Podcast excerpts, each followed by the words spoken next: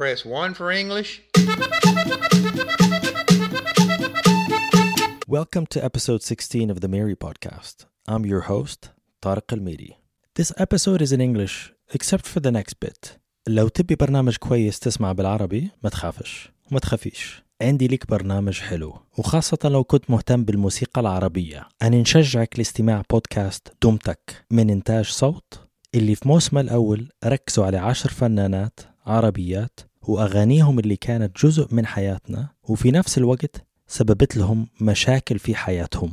والموسم الثاني لدمتك من إنتاج صوت حيغطي موضوع دخول أنواع جديدة من الموسيقى على المنطقة زي الروك والهيب هوب والإلكترونيك. اسمعوا بودكاست دمتك على كل تطبيقات البودكاست وحتلاقوا الرابط في وصف هالحلقة.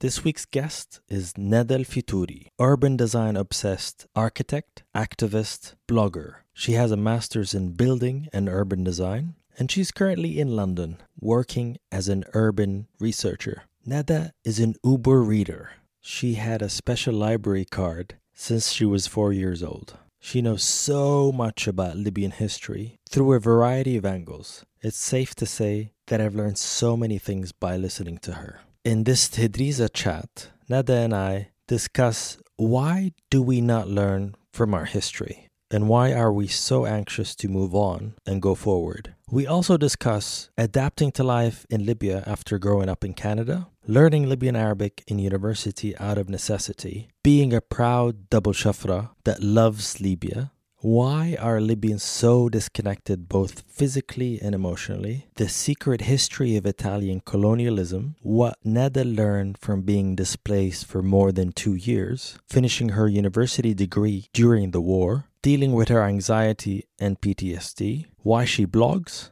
activism and the international community's problematic involvement in Libya. We do talk a lot about urban design. And finally, how Neda made peace with her Libyan identity. Let's do it.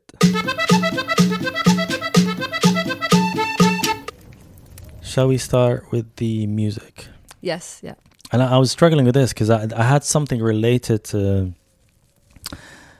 a bit to what you do in the world you live in, music wise. So it's very like um, telling of what we're going to talk about. But because of the list you sent me, it sounded like you're nostalgic. It sounded like you're longing for something of of a place.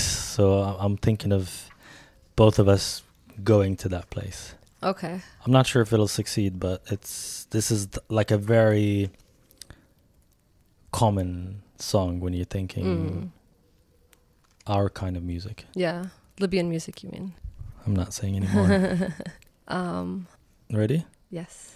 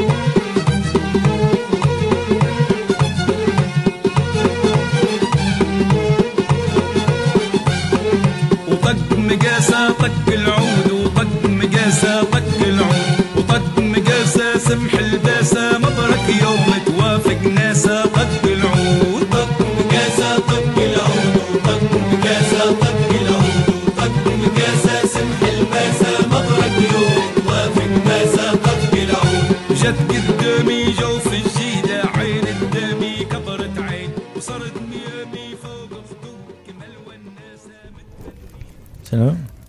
Very good choice. Yeah. Have you heard it recently or? So I have heard it recently. Yeah, I listen to it occasionally when I'm feeling particularly nostalgic. Um, the first time I heard this song, like really heard this song, was on a road trip from Benghazi to Beida in 2014. Uh, a friend of mine was telling me there's three Libyan artists that you have to like one of their songs. If you don't like any of them, then في خلل في الهوية الليبية متاعك. There's something wrong with your Libyan identity. Um, and I said, I don't know any of them. Who are they? And he said, Muhammad Hassan, Hmeida Bounaqta, Brahim Safi. Which of course is a very biased list because it's all from Benghazi. Um, I know, I know two of them. I know Bunukta because I had a friend of mine who's she was obsessed with him. But if you look at her, you're like, where does that come from? Like she, they're he or Bunukta are like from two different worlds. Yeah, but uh, more to your friend's uh, test of identity. Yeah, I think it's programmed in the DNA, the beat, the words. Probably our parents were listening to them at some point. Uh, I don't know how, why it works so well. Um, the nostalgic effect was like, oh, something something kicks in. Yeah, I would say my understanding of the lyrics are like 6%. so what he did was actually he was playing it mm. and he was explaining to me what the lyrics meant and i mean i think especially with these kind of songs a lot of people just listen to it in the background you're not really listening to it for the lyrics mm. um, and i was listening to you know t- to the words and i was thinking wow this is actually very rich it's very you know well thought out um, Mm. and i began to understand why muhammad hassan was so popular it wasn't just because there's so few singers in libya but it's because the meaning is so rich and so deep um, and a lot of the um, the symbolism he uses, a lot of the euphemisms, um, I think is what makes it really like a powerful song, and what makes him in general a pow- powerful author, It's uh, not so- artist. It's not a super biased list because he's من الخمس, I think. I think didn't he grow up in Benghazi? No idea. It's- Never heard of that. I don't know. In Benghazi, we always say, "Oh, it's probably from Benghazi." they probably I- lived in Benghazi at some I, point. I think it's it's so good. Everyone is like, "Oh, he spent a month in here, ولا Exactly. عايش هنا," which is nice. It, we it- all want a little piece of piece of the artists and it's, the, the it's legends. kind of in a way what brings us together. Like you, you had something about ال- ما نعرفش الشتاوى or yeah, like Shtawa, this is your and yeah, your Kashif. observation or your theory that these sort of very traditional ways of expressing oneself or like art are are the common denominator or are the thing that could tie us together again no Um, or am i pushing your theory too far?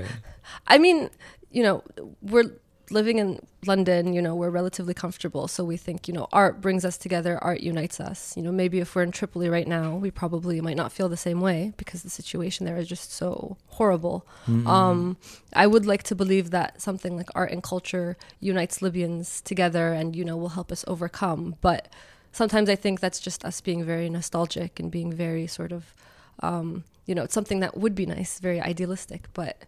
Um, in a way if you want to start somewhere that's something that is not contested it's not debated it's not kind of Yeah.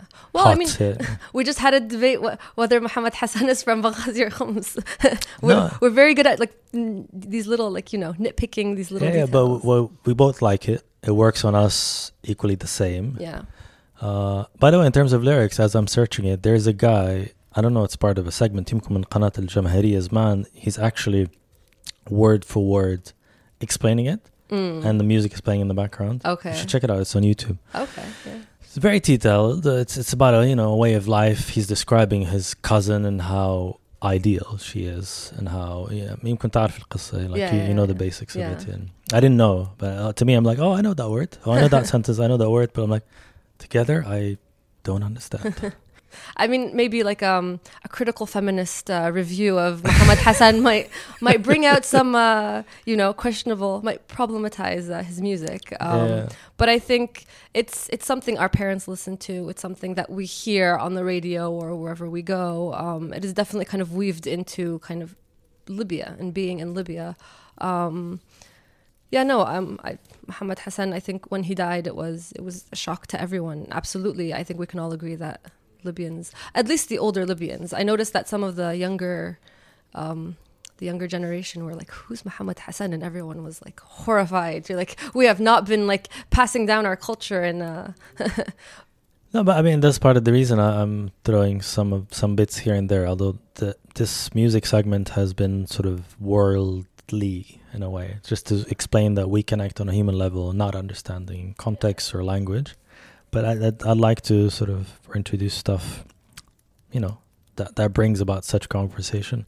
And he's not just the Libyan sort of phenomenon like he's big in Tunis يعني في المهرجانات الموسيقى بتاعهم and his his songs get like get the crowd running يعني they know it word for word yeah, yeah, yeah. I mean the the, the new artists. Um, I've noticed with Benghazi, um, there's always like this new generation of like you know they'd be like a street rapper and then they'd kind of get like a little bit popular and they start like people would more and more people would listen to them. And they they sing to the struggles of of the population the young population today and just the difficulty of being libyan. And that's something that really speaks to people. And i mean ultimately that's what makes music popular or not popular. Muhammad hassan maybe is popular with us because we're looking for a more like nostalgic libya when people were still riding horses and people were still marrying their cousins. Um, but the new generation today is dealing with a lot of issues um, i would say more newer urban issues um, that you know they find a voice that represents them elsewhere. yeah, yeah.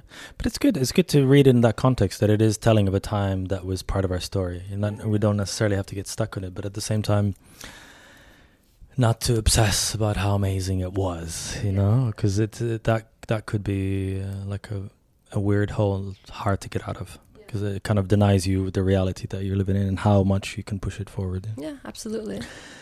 who are you? Classic introduction Um, who am I? I'm from Benghazi. I think that's the best way to describe myself. Um, I'm very stubborn, very um, have a bit of a temper. Um, I love my city. I love my community. Um, I think I am who I am because of being from Benghazi. Um, I'm an architect, an urban planner. I'm very passionate about the built environment. Very passionate about how the places we live in shape who we are, and vice versa. Um, I would say because I lived abroad when I was young. The I'm, reason um, why I'm zooming in. I've, I've never noticed it so much as in this particular sentences about three times in a row. I Yes, just I've- I, I've been I cannot. I cannot not notice it. Yeah. So, so you cannot say abroad is a very particular place. it's yeah. I I grew up in Canada. Um, my dad was doing his PhD. Um, I grew up in a household that didn't really focus much on Libya. Um, my parents left the country at a time when the sanctions were really affecting the country, um, and I think their coping mechanism was to say, you know, like to to to kind of hide that part of themselves, you know. They didn't want to associate themselves with Libya because in their minds Libya was Gaddafi. They didn't want to associate themselves with that, you know, struggle of just even, you know, getting out of the country. Which years Um, was it in particular? So um, we left in, um, I think it was the end of 1994. Um, so it was just after, yeah. Um, so even leaving the country meant taking a bus from Benghazi to Tunis, getting stopped at the checkpoint, um, getting strip strip searched, um, and then you know having to take a plane to to Canada. Um, and it was just the process of my dad doing his papers to go study abroad was itself horrible because first he had to go to Sirte many times when Sirte was kind of like the, the you know where all the administrative procedures were. Then he had to go to Tripoli several times, and it was just you know I think by the time they reached Canada, they were just exhausted. They were exhausted of Libya, um, which I think is, you know, happening a lot today. Um, and so growing up, I never really heard that, you know, we were Libyan or what is Libya or anything. I knew we were, I knew Benghazi was a place. I knew, you know, that's, that was something connected to us. Um, but it wasn't until we got back to the country that, um, I was like, whoa, whoa, you know, this is Libya. But what's the essential of that culture itself? Like, what did you identify with? Was it the Arab community, the Muslim community, the I don't know something academic? What was your world? What is it like?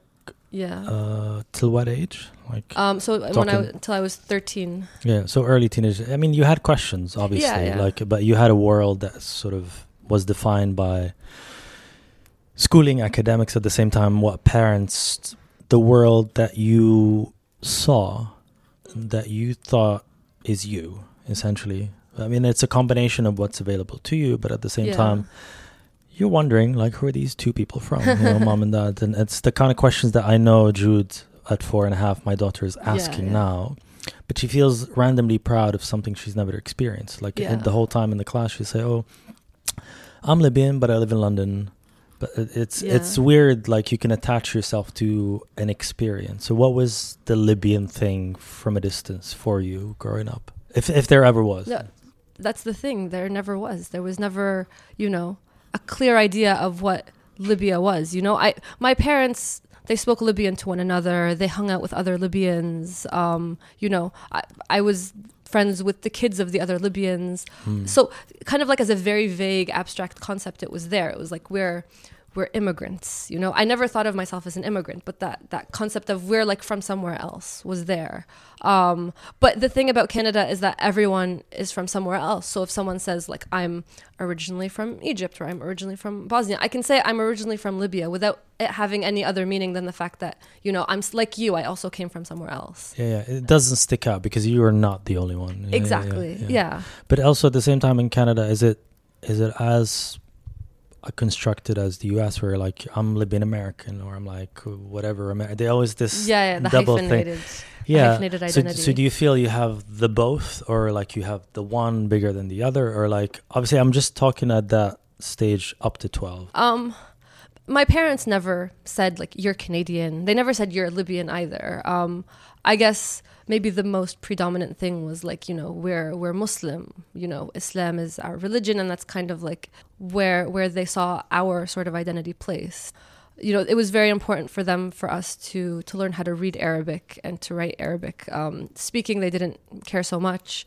Um, you know, reading, being able to read the Quran, teaching us kind of like those basic values. So I guess that was maybe the place where you know they they positioned us since you know in terms of nationality. You know, I think it's it's a struggle especially for us now and then. We're not a big mass when we go outside. I mean, we're not Lebanese, we're not Syrian.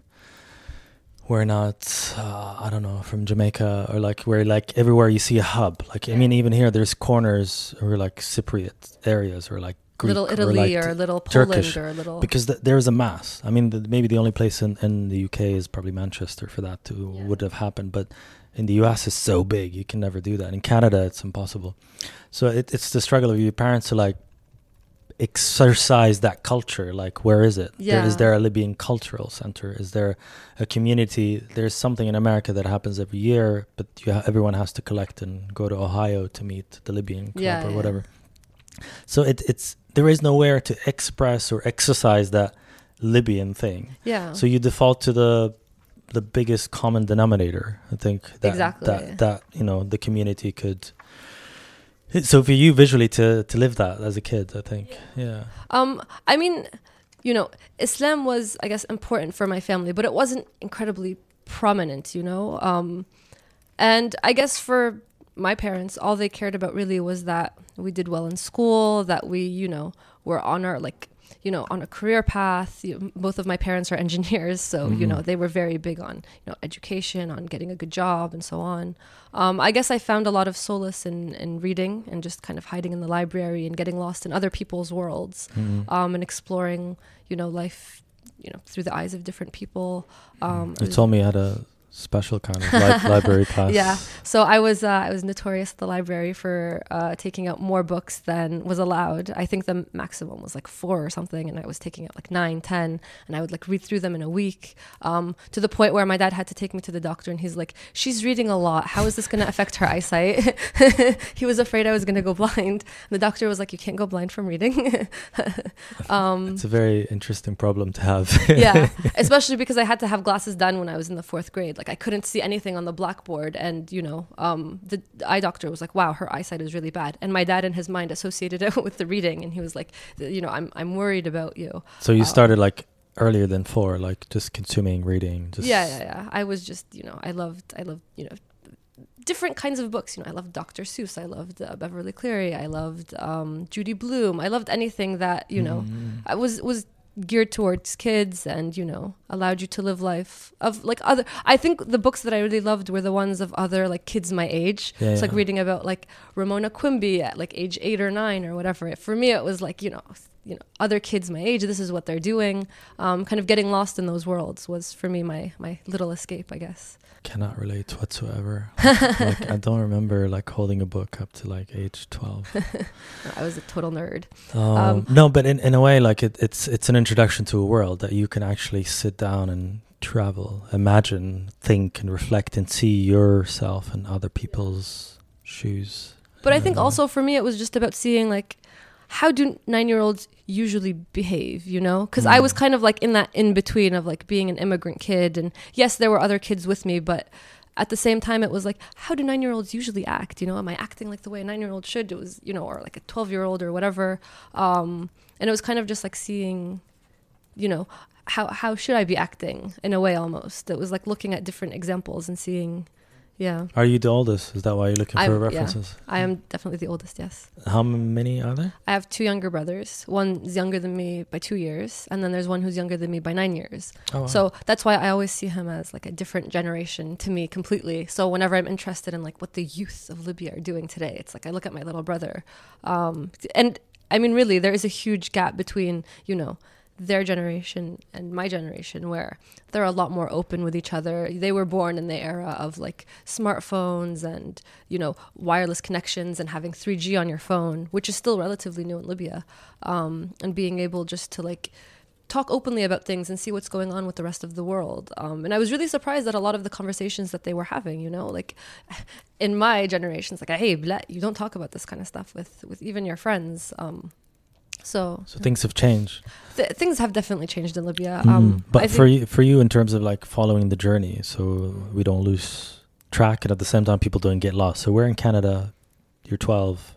Parents decide Libya. There's a, still another chapter. Like what happened for them to decide? You know, let's let's move back. Yeah, there was a lot of different reasons. Um, part of it was they just wanted to go back and see their families. You know, Libyans are very attached to to their their parents, to their brothers and sisters.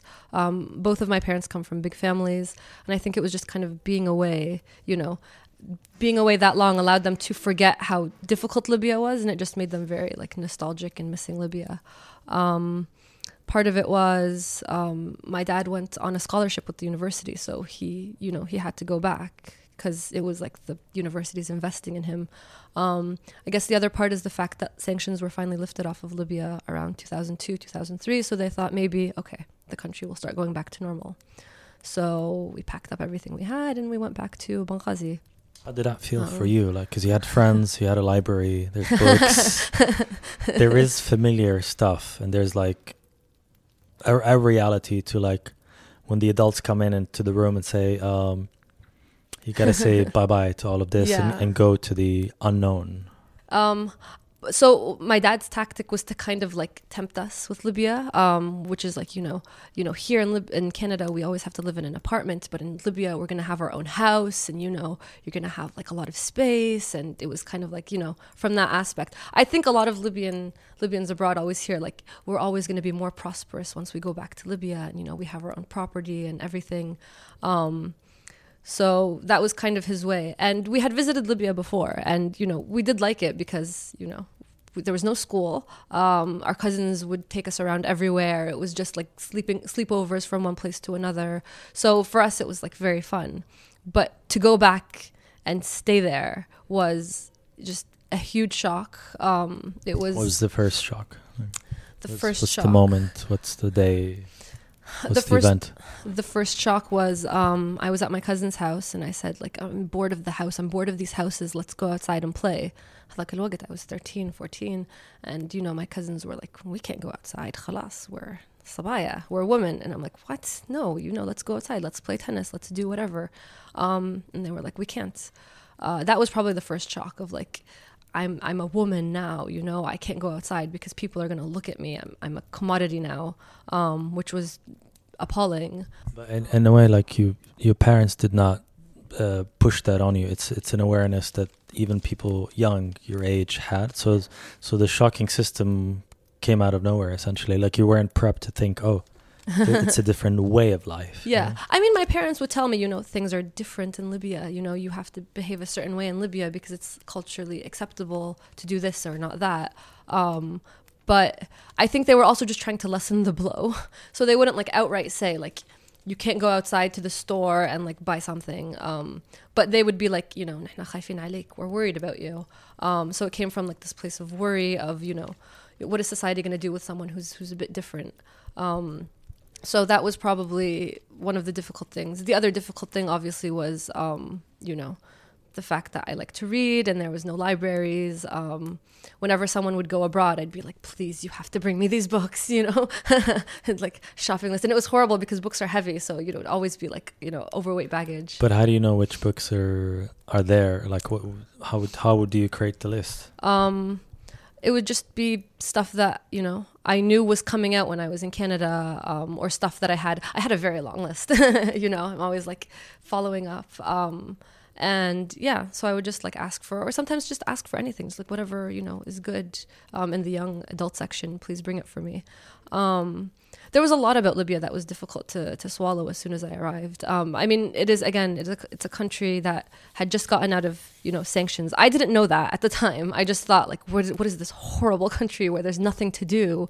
Um, At the same time as this was happening, um, as you mentioned it clearly, like your parents had certain expectations or, or goals, which for you were to be able to read and understand. Uh, the speaking element of the Libyan language or Arabic wasn't really there, or was there, but out, not up to the local standard. فad right away you'll stick out. So yeah.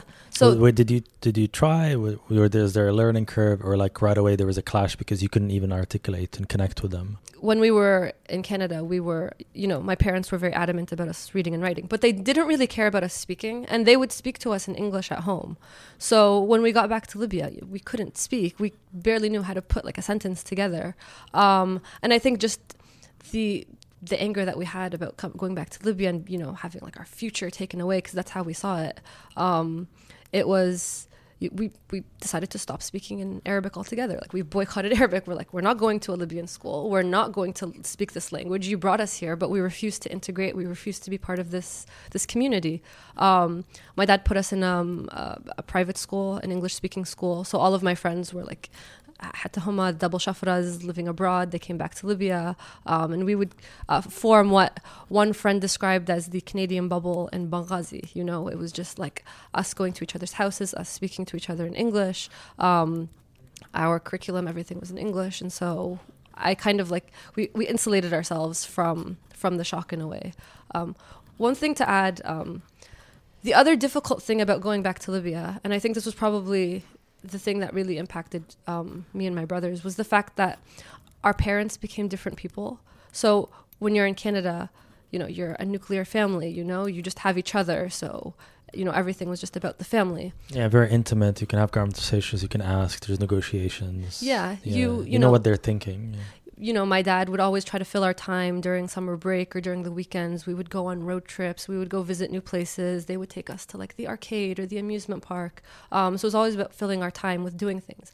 But when we got back to Libya, suddenly my my parents weren't just my parents. My parents were also, you know, brothers and sisters. They were also the children of other people. They were suddenly part of like another family. So for me, that was a bit it was a bit difficult because it felt like you know we're your family you know we're we're we're the people that you should be with you know why are you always at your you know mother's house or at your brother's house or whatever um and i think that was probably the biggest shock for us was just you know The time with them got cut almost right away. Yeah. yeah and i mean they would bring us to their family's house and you know it was about like you know we're not breaking up this family now we're part of a bigger family but because we were just so like we were kind of rejecting this idea of libya that we didn't want to hang out at their families houses we didn't want to talk to our cousins we just wanted to like be our little family again um There was no transition that was easy because it was like, like you're in the place. yeah System has changed. Expectations are different, yeah yeah,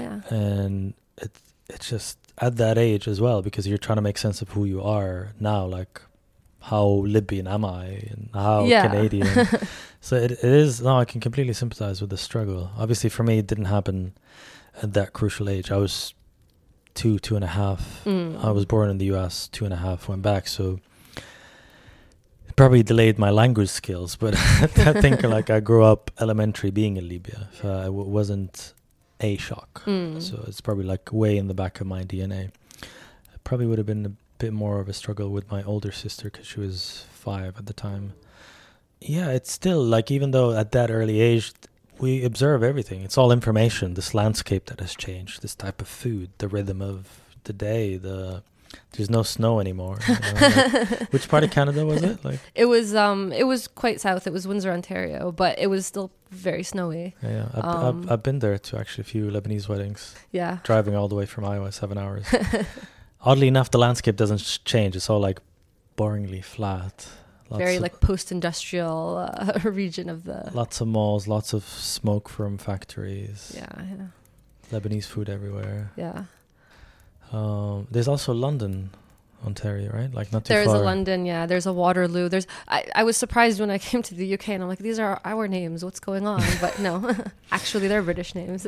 Yeah, you, guys were not inventive enough to, to create your own story. You're like, oh, this worked hundreds Yeah. of years ago. Yeah, I mean, even the Queen uh, still has a say. She's the head of state.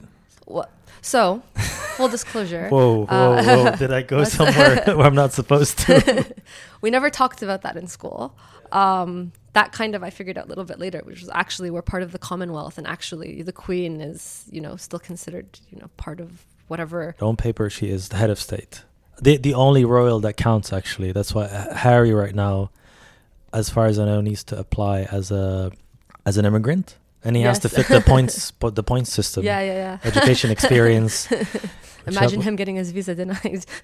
I don't think he has the skills, to be honest. like he has no work experience, no skills. but yeah, like he's so so so in your mind, um, the queen was not really in the picture, but like she's on she's on the money. Like how, you know, it doesn't get any more real, right? Like you see her face every day. It's just it's that thing with the dissociation, like with Libya, like oh, it's that's a vague concept that doesn't really touch my reality. You know, who cares? Um, I mean, in Canada, they still celebrate Victoria Day. Um, Don't know what that is. It's just a celebration of Queen Victoria, and See, it's even worse. Like we don't have that crap in here. exactly. oh, we have we have the Jubilee, I think, right? Like where the planes go over the Buckingham Yeah, yeah, yeah. Palace with the with the colors and everything. Let's jump start a bit forward. Like somehow, some way, magically, you love Libya. I don't know what happened to you. You probably got crazy, but there's a point in your life where like super active. Are you okay with the activist label? Mm, maybe not now. You know, I haven't been quote unquote active in Libya for for a while now. Um, But like for for this is how people identified you as like for like a period Yeah. where like you're doing things left and right, starting projects, stuff with kids, stuff with books again. How did that come about? Like I think at some point in time you were pushing for a children's library of Benghazi. Yes. Um, so fast forward up to 2011. Um, I mean that period. How old are you at, to, at that uh, I stage? was 2000. 19, I think, 19, 20. Um, and yeah, so during that period of time, I got to watch Libya slowly open up to the rest of the world. At the time, I didn't know what was happening. Again, I didn't understand any of the political context, but suddenly, you know, I was able to do things. I was able to, like, you know, work in a summer school. I was able to see, like, things starting to open up. So there was, like, a women's gym opening in Benghazi. There was a bunch of different. 2011, the, the year of the revolution itself, 2011 or before? Any, from 2006, 7 to 2010, you know, the country was changing a bit. There was more things to do. Um, and by 2011, the revolution happened, and it was just, you know, this moment of like magic where we didn't think it was going to happen for Libya, and it happened, and suddenly people were in the streets. Um, and I think for me, it was a huge it was a huge life event, um, regardless of how I feel about it now. But just you know, living in a country where I'm always complaining about how people don't do things, you know, like typical double shafra, like ugh, Libyan, بيديروش في شيء," and then all of a sudden it was like they're in the streets, you know, they're talking about like their rights, they're talking about freedom, they they Mhm. actually did it, they're not afraid anymore. Mm-mm. Um, and then like the violence that happened right after, um, and how the entire country like ناضوا مرة واحدة, everyone was protesting. Um, and you know hearing about places i've never heard of before. Like i was familiar a bit with east libya you know we do road trips and everything but i've never heard of like zintan or misrata or tarhuna or any of these things um, i didn't actually find out about my family's tribal roots until after 2011 and i was like wait we're not from benghazi what it gets even more complicated.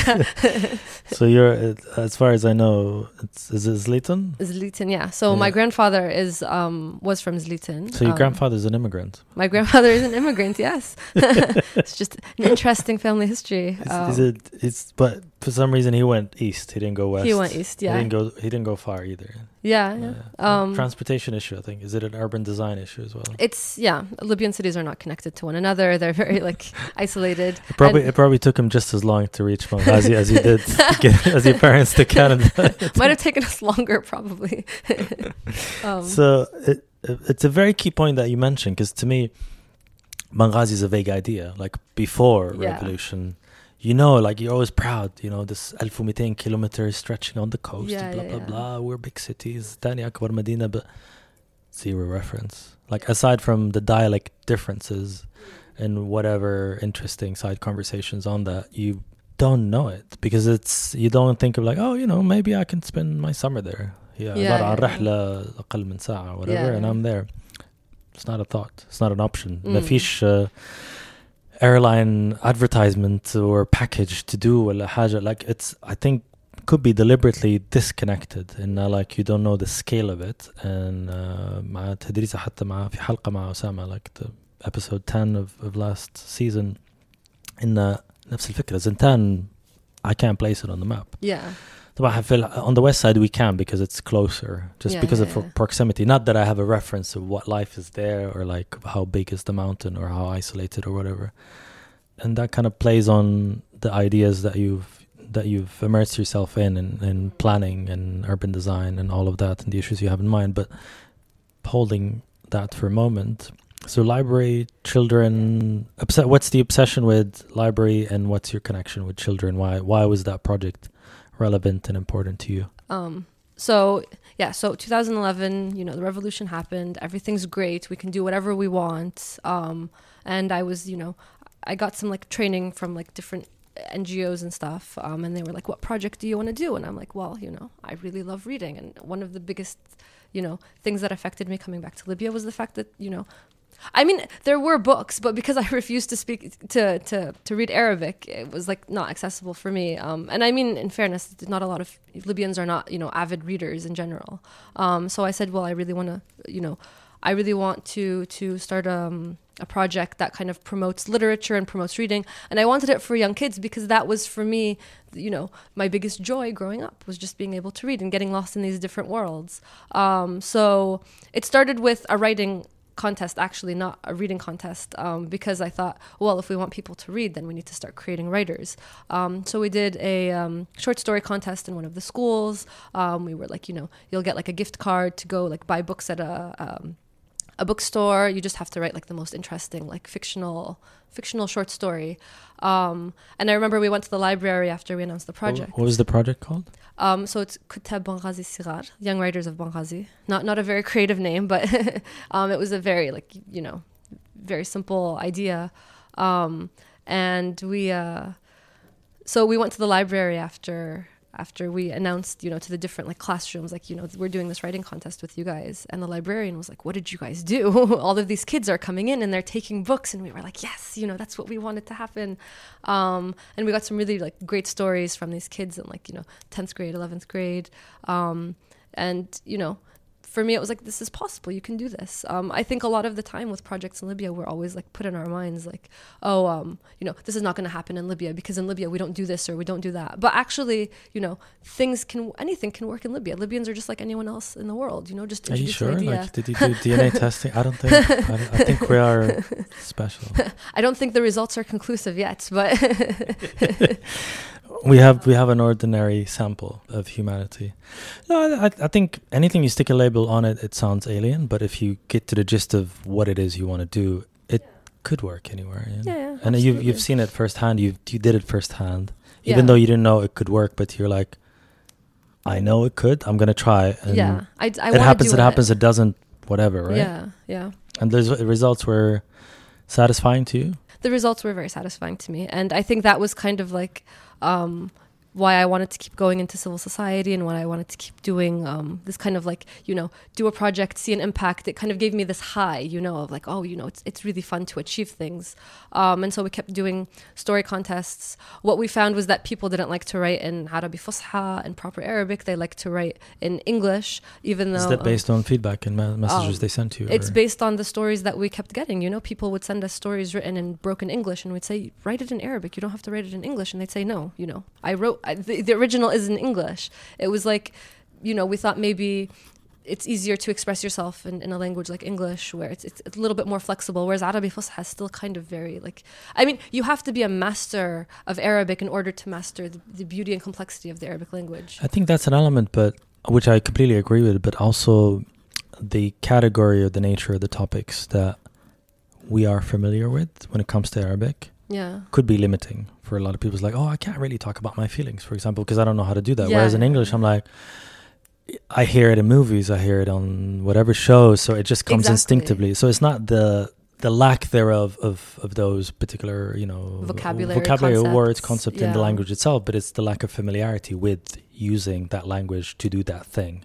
In a way, that's why most of my communication, حتى بالعربي, like on on my social media, whatever I'm posting, باللهجة الليبية. Yeah. yeah. Because I feel like زي ما نهدرز معك, the way we're speaking, I, I can express myself in Libyan 100%. exactly. But when I'm like, oh, how can I do it in classical Arabic? Even myself, who- who's a product of Libyan schooling throughout, you know, Mm. zero to high school, I cannot.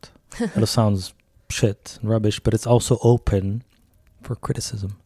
Because the minute you post it, you have these, uh, I call them the language police that pop out of nowhere to tell you, you shouldn't have done that. That's completely wrong. And they, they stick to the technical issues. It's as if a cinematographer will like p- kind of shoot down your framing Yeah. and completely ignore your story and the context that you're talking about just to obsess about rules and regulations Yeah. and القواعد blah blah blah. So it might be your audience's fear الناس اللي بيشتركوا ما يب- خايفين ان حد ينتقدهم because there are so many rules and there's so many perceptions in that basket as opposed to like, oh I can camouflage in English no one's gonna attack me here could be could be it's it's it's my own sort of pet peeve yeah. bringing it here yeah. I mean, we didn't really dig into the reason why they didn't want to write in, in Arabi Fusha. Um, I mean, for me, I was just happy that they didn't want to because I don't like Arabi Fusha. And we were like, let's do like a Libyan language story. So we did like Iktib Libi. Mm. Um, and we got way more submissions and we got, you know, content that was richer, that was just more like, you know, interesting to read. Um, and we also got criticism. People were saying like, why would you do مسابقة تكتب بالليبي؟ نحن, you know, هذا لغة الشارع. This is like a street language. It's not, it doesn't have its own like grammar books and its own whatever. Um, and Libyan, what I really love about Libyan is just how dynamic and fast it moves. So I was in Benghazi a few weeks ago, and my aunts were complaining that they couldn't understand my little cousins when they were speaking anymore. So they're like, "شنو الكلام اللي يقولوا فيه هذا?" شنو what was it? My cousin was like, "فلمت," Mm. and my, my aunt's like, "What does that even mean? You know, what, what language are you guys speing?" It's because it's it's I, it's don't, really I don't know what it means I feel outdated what, is it, what does it mean فلمت means like you know if you um how do I describe it? It's like you imagine Um, something or- No, no, it's like فلمت, like I got confused or تلخبطت. Um, it's kind of like تلخبطت بس فلمت. I don't know where it comes from. um, Mm. could come from like film and you know yeah, different yeah, films. You know, when like someone says like something's very dramatic, they say film Hindi. Um, yeah, yeah, you know, yeah, Or like now it's like when people like finish something, finishet. Finish, ah, from, yeah, yeah, um, so sort of Libyani- Libyanizing English words as well. Yeah, but then there's also this emergence of like new words that weren't there before. So, um, like for example, uh, wahdat uh, fashak. Fashik, when my mom came back to Libya after being in Canada for so long, she was like, What the hell does that mean? You know, it means like to be like like show off. Yeah, yeah, you know, yeah, like where did that come from? Um, and so it's it really like you see this emergence of very, you know, you want to call it street language, you want to call it, you know, like not a real language. It's what people use to express themselves, and the fact that it's you know it's changing over time proves that it is a living language. Yeah, and that's what people understand. I mean, that's one of my other issues. I have a lot of issues, you can tell, um, and I'm using you to bring them out in case you haven't noticed. Uh, but I'm still completely interested in your experience. But just one last one, and that there is a lack of connect between projects, activism, uh, people with authority in lan- language, academics, and the street, and the young people, and people that want to understand because of the lack of communication. Um, and there's no, there's no issue using the language that the audience that you're targeting understands. Uh, I don't I don't think there's an issue there. في نفس الوقت زي ما قلتي انت like the way, the way you sort of laid it out, it does travel and it does adapt and it does update like صق عليك or whatever it is. Those 90s terminologies could be part of a historical heritage uh, archive of like how we communicate and how we lose la- use, a use living language. heritage. Yeah, I know that there's a project now in, um, or I think it's the beginning of a project to standardize Tunisian Arabic. Um, and I thought, you know, this would be amazing if we could do it for Libya and we could standardize and begin to kind of document, um, you know, because so when I when I was like going back and learning Arabic, um, you know, I went to university in Benghazi, and my department was the only one in the engineering faculty, which was in Arabic. So I had to learn Arabic. Um, and what I would begin doing is like bringing up words that I would hear my mom speak, which were words that were like 10, 20 years old and we're not in the common vernacular. So my friends are always say to me like, lazuz," you know, why do you talk like an old woman? And I'm like, I don't know. This is this is what I heard from you know my household, and this is how I'm speaking. Um, so that was also like an interesting experience of like, okay, even when I'm learning Arabic or learning Libyan, there's different Libyans to learn. And how did you manage to do that? Because for a while, you and your siblings were protesting Yes. learning, and engaging. But there's there's a moment I think, particularly as you mentioned in university, where you're like, "There's presentations here. I need to like connect and tell them what I think." Ask students what the homework was yesterday. Yeah, or- yeah. yeah. So was it Um, at that stage where you're like, you know what, I got to invest in figuring out, decode this language situation? it wasn't i guess the thought process of like i need to learn arabic it was more of the fact that like crap people don't understand me you know how do i you know so it was just me using my very very broken arabic and people would look at me very quizzically like what is she trying to say um and i mean in fairness a lot of my Can- Can you give me an example? Sorry, because I don't want to. Um, yeah Like I don't want to. an example of like broken libyan arabic yeah, yeah, like how how it was and how it is now. Obviously, there's a huge Um, difference. Like, with what if you were asking a I don't know colleague about homework or Um, so if I wanted to say like you know um, you know استاذ whatever عطانا واجب امس شن كان الواجب um, but I wouldn't say it in this like I would describe like everything so الاستاذ الدكتور متاع مادة blah blah blah كان عطانا ورقة عليها like I would describe the physical thing you know Yeah, in yeah, my yeah. attempt to try and convey or like أسئلة blah blah blah and they'd just be like "Wh- what is it specifically And it, the word was واجب it was homework Yeah, بس But- الكلمات موجودة بس مش راكبة جملة مع بعض. Exactly. so I would be describing the act, or I'd be describing the physical thing of like, you know, the concept and you know, they'd just be like, what exactly is she trying to get at? Because if someone's asking you about a piece of paper, you're thinking of a physical piece of paper. You're not thinking of, mm. oh, the homework that we got yesterday. That must be really frustrating for you because you're like you're trying, really trying, and it's so obvious in your head, but they're like, spell it out some more. You know? yeah. That that was like years of that. it was, it was, I would say probably the first, the first year was just me speaking very broken Arabic. It was people laughing at me quite often. Um, some of my colleagues would try their best to speak to me in their broken English. So it would be them speaking broken English, me speaking broken Arabic. And like you'd have this very like primitive dialogue going on between two people trying to get to like a, an idea. But it's Um, nice. There's people who are trying like to Yeah, connect, so yeah. it worked out. And then like that that kind of set you to like, I really gotta do something about this. Yeah, it just got me. Basically, it just got me to keep using it because I had to. I couldn't speak English with with my classmates. Um, and of course, in Libya, you know, there's this always this perception that if you're like, you know, تحكي عربي بس مرة مرة تزرق كلمة English. It's like, you know, you're a little bit arrogant, you know, like who do you think you are? Like trying to like show off your language skills. And I was very conscious of like not wanting to do that. I didn't want people to think that I was like ك- متكبرة عليهم because I knew English. It was like, no, I really wish I could speak Arabic with you. You don't understand how bad I feel.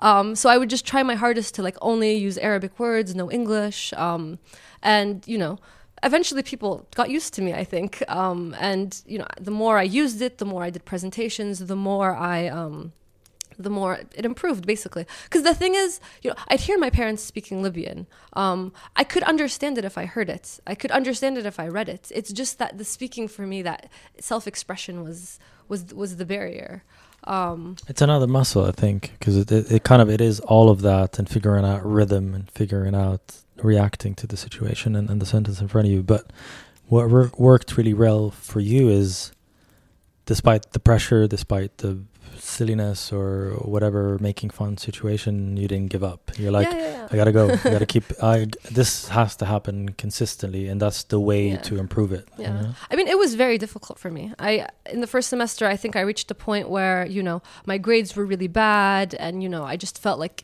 a complete weirdo. Um, and I was like, you know, why didn't I just go to civil engineering? You know, civil engineering is in English. It's going to be a lot easier. Why am I still doing architecture?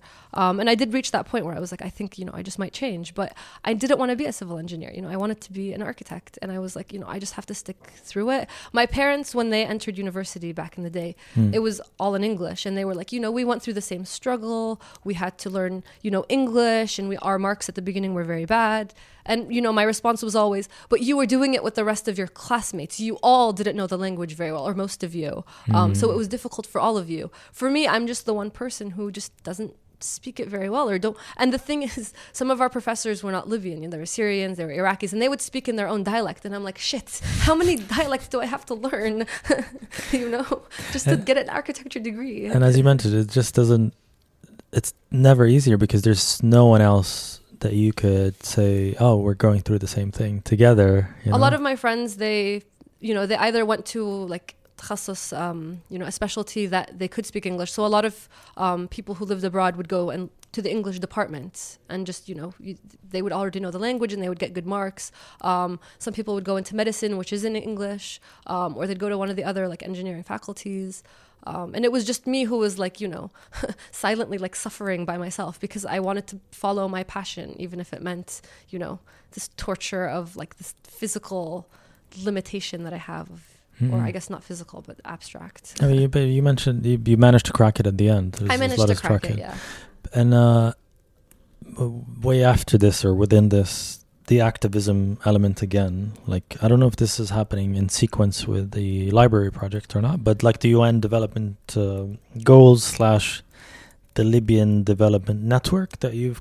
you've created, you manage. Like how does how did that tie in yeah tie in together? I would say probably my entire journey since I moved back to Libya was just me trying to to figure out what it meant for me to be a Libyan, and everything that I did was about kind of connecting with people and reaching out to more people, and mostly to figure out who I was. Um, because technically I was Libyan, I didn't feel particularly Libyan, and I didn't know what that meant to be Libyan.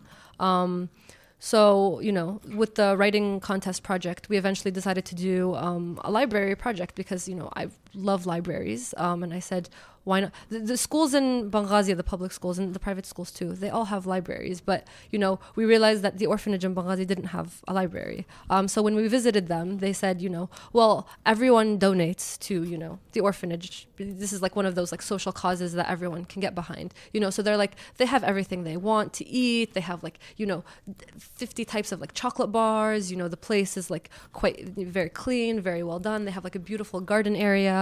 But, you know, nobody comes and hangs out with the kids or nobody, you know, does kind of, you know, other kinds of projects that isn't like physical hajat madiyya. It's just sort of like, you know, giving them something else. So, you know, we decided why not do a small library project. And because it was the orphanage, we knew it would be easier to get people to donate That's the second project. that Like, was the, happened yeah, after. yeah, yeah. After So that was the second project, um, and that was um, a very small, like corner library. It's the only project as an architect that I designed and actually was built. If built, it was just you know some shelves, some carpets, pillows, just a place that would be comfortable and would attract the kids to come and like take a book. Um, and yeah we we we managed to get like a lot of donations and we we set it up.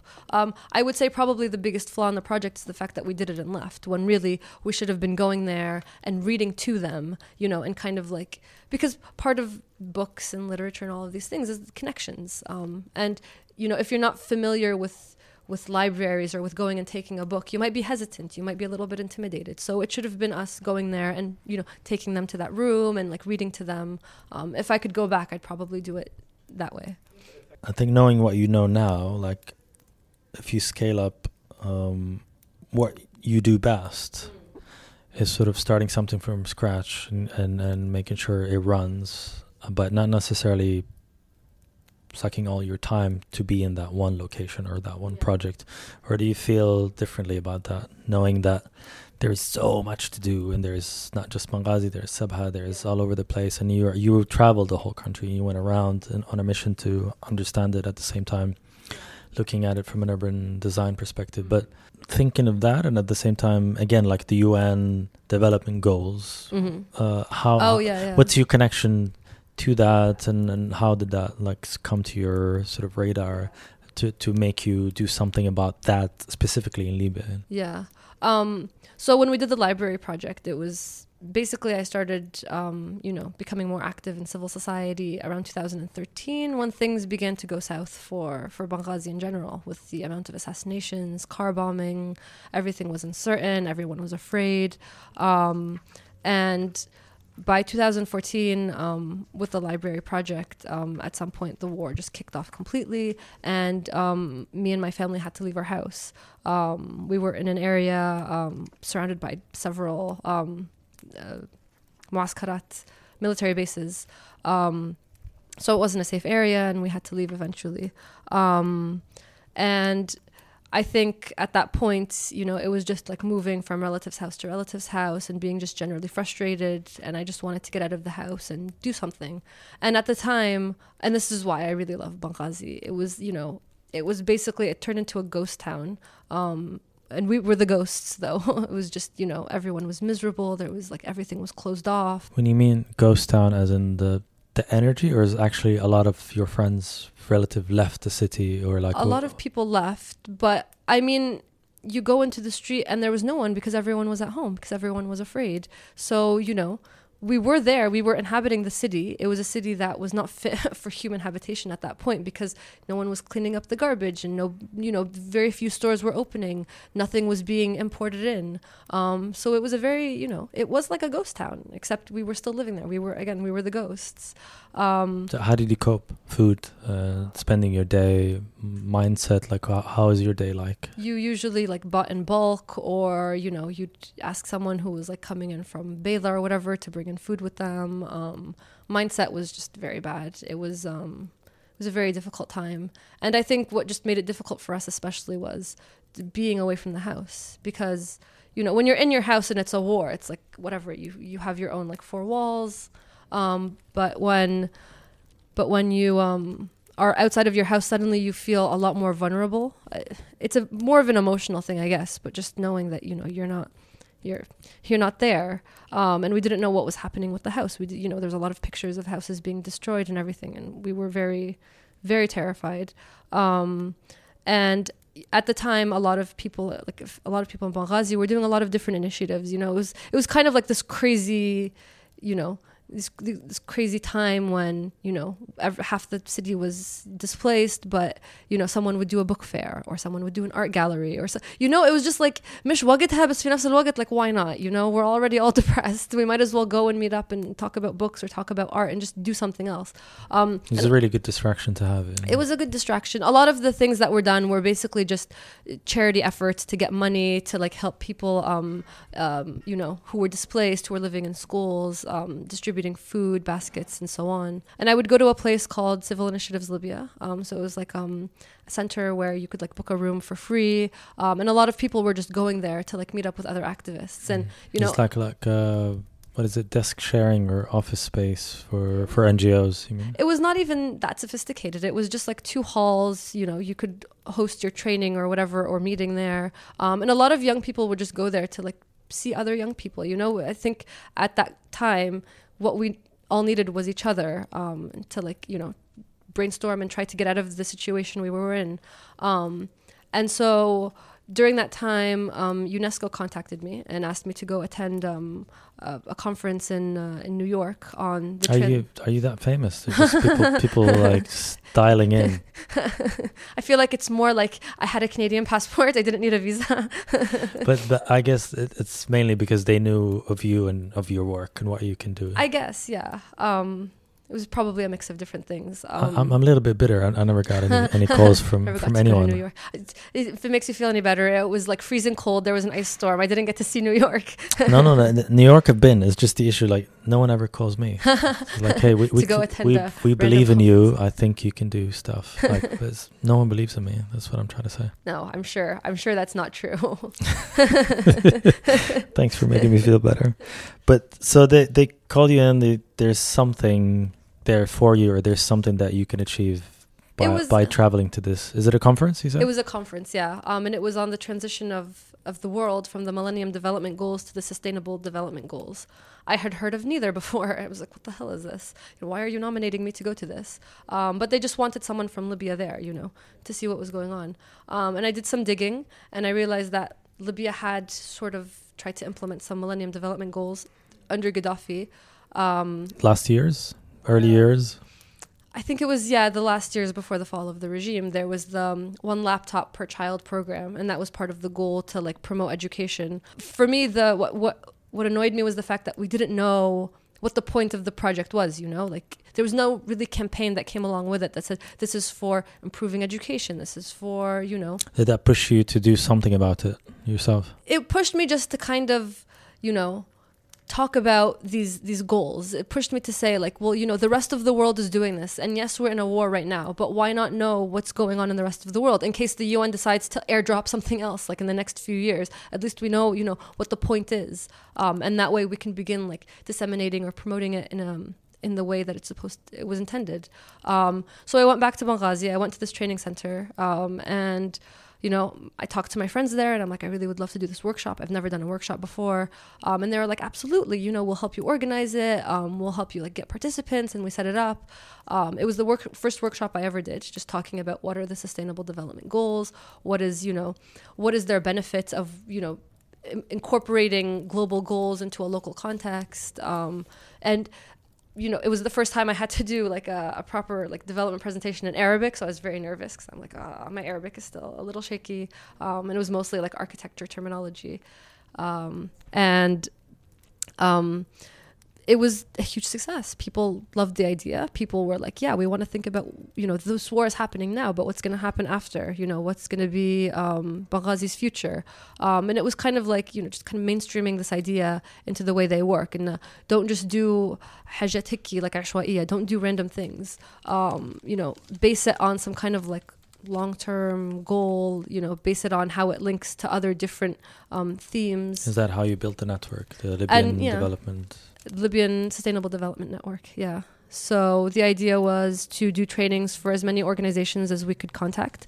Um, we were in Benghazi at the time. Um, we were contacted by people from outside of Benghazi, from Tripoli, from Sabha, from all across When, Libya. when you say we, who's we? It was me and my friends. Um, a lot of civil society organizations are just people coming together and doing this kind of work. Um, And and when you operate, you operate as you. You're not part of an organization. You work with other organizations. I work mostly, yeah, with other organizations. And the idea of the network was a lot of people align themselves to one specific um, civil society organization. Mm. Whereas what I did was I always like floated between different ones. I always helped out, you know, whoever asked for my help.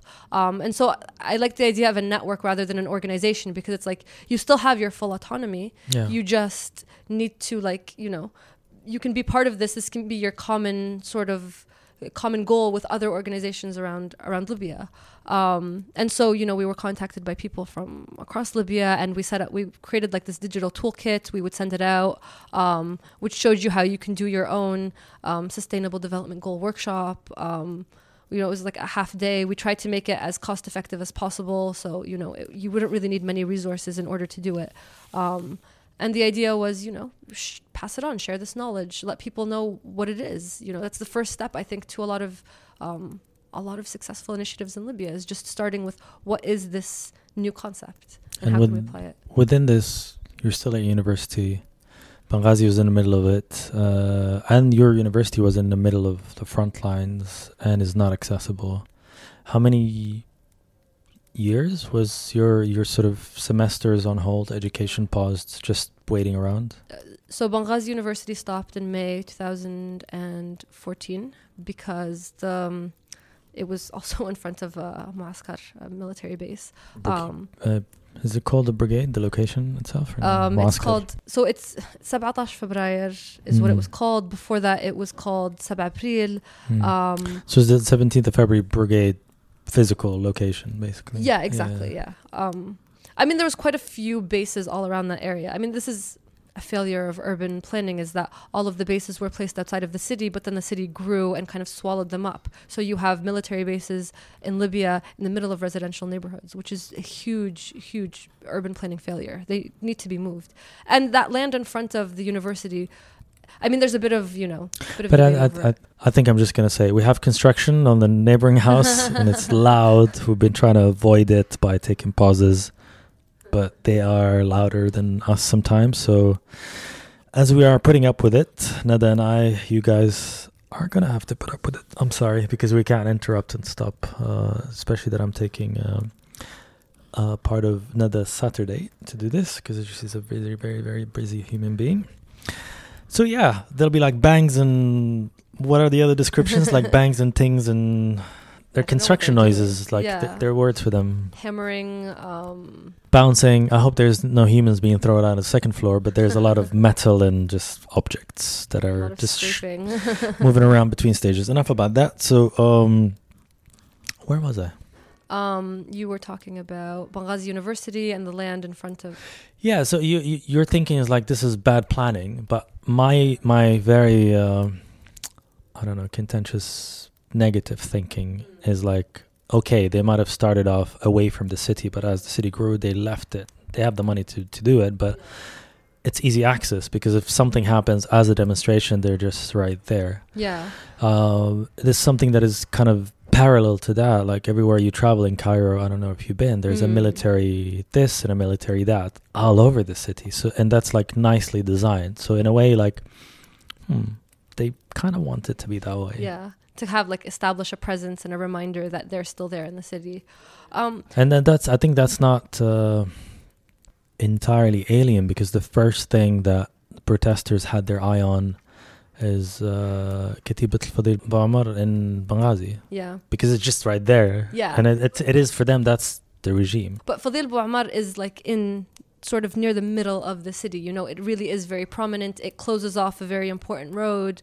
Um, it takes up a lot of land. بالضبط زي باب العزيزية في طرابلس. Yeah. yeah, um, yeah. So it's, you know, I feel like maybe Fadil Bouamar probably, at least partially, was intentional. You know, a reminder that the regime is here. The regime, you know, is watching you. Mhm. Um, That's good. Good urban planning. Like if if your point is like to say your goal, yes. the stick is here right in front of you every day you pass by it. Um, but uh, you have a point that you've made earlier on in our first conversation when you met. You're like, um, we will never remember if if we don't leave stuff behind. Yeah. You know, like, and you probably said it in much more eloquent words, but that's what I remember. So, to me, and, and trying to review that today, I'm like, Bab al Azizia, it's a dumping ground today. Rubble completely gone. There's like, you know, guys that come in bringing their dogs to fight. It's like a flat land. And it had transitions actually, like where it was like people jumped into the remaining Mm. places, took them over, and then someone come to demolish those, and then a dumping ground. It, it had like so many cycles, but no one was there, no entity, no human being, no anyone in authority to say, we got to preserve something of this. To say, like, there was a guy that used to rule us all, would, I don't know, fill in the gap. Maybe not us because we remember vividly. Maybe Mm. they're not our parents because they do. The next human beings, Yeah. you know, walking on this land need to remember something of that lesson Mm. In the form of a structure, in the form of a wall, in the form of something that is deliberate. Ah, okay. That's one element. The other element, this place could be monetized.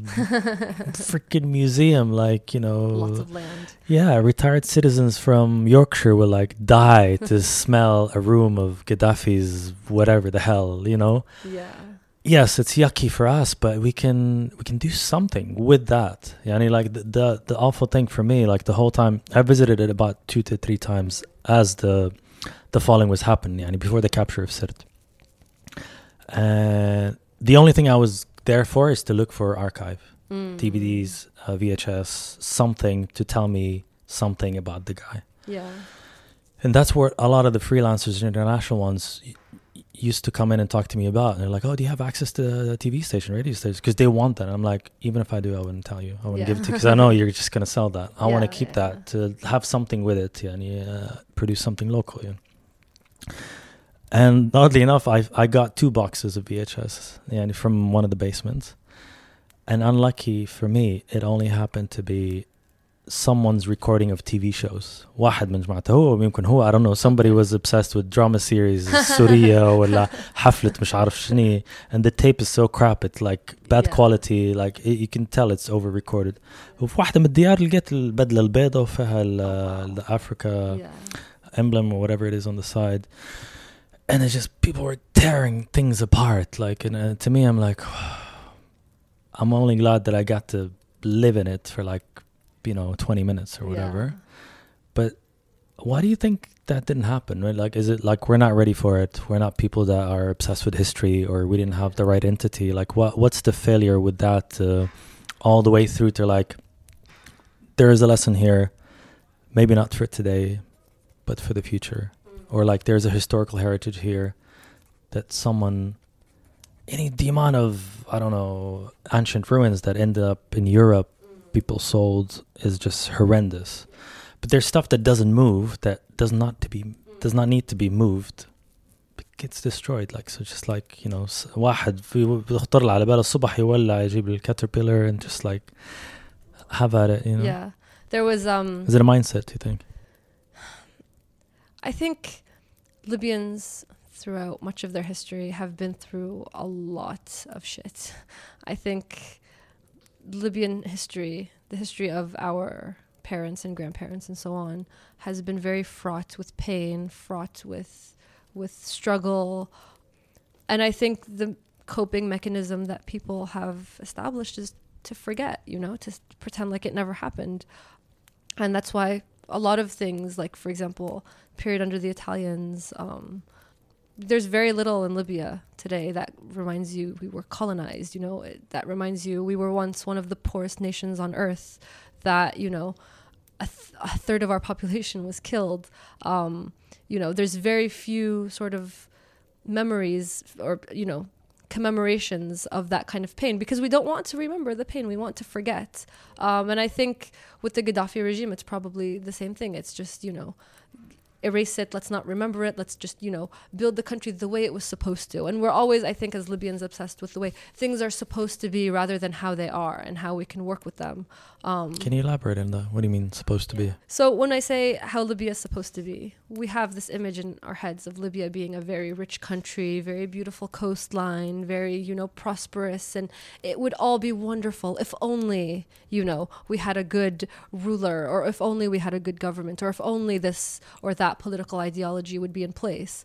It's always like this idea of, you know, we're not going to work for it but you know it's it's supposed to come it's supposed to happen like the way things are supposed to be is that we're supposed to be like dubai because dubai also has oil or supposed to be like you know whatever ideal libyans have in their head We're looking for a magician to just like press a button. Exactly, or- because or- we think if all the elements are there, then you know the country should be amazing. Why isn't it amazing? Well, because we had Gaddafi, and before that we had you know the Italians, and we have whatever happening now.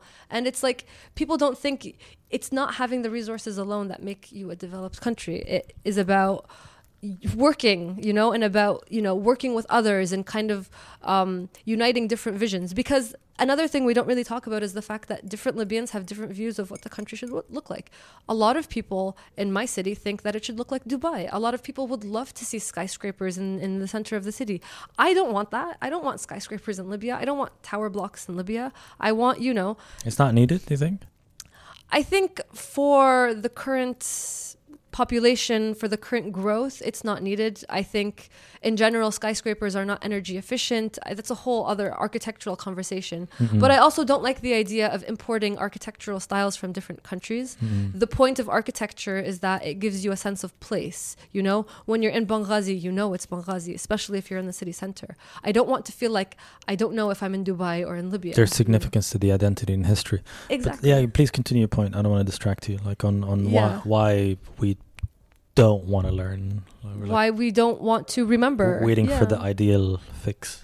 And I mean, Libyans do have it better off than a lot of other countries just because by virtue of the fact that we have so much oil and we have such a small population. Um, and so it's always this idea of this idea of like, you know, uh, the money will do it all for us. But like the money doesn't move by itself. You have to have people, you have to have visions. I can't count the number of times I've sat with officials in Libya saying, والله عندنا 30 مليون دينار بس مش عارفين شو نديروا بهن. Like, انت قاعد في أزمة تقدر تدير أي حاجة.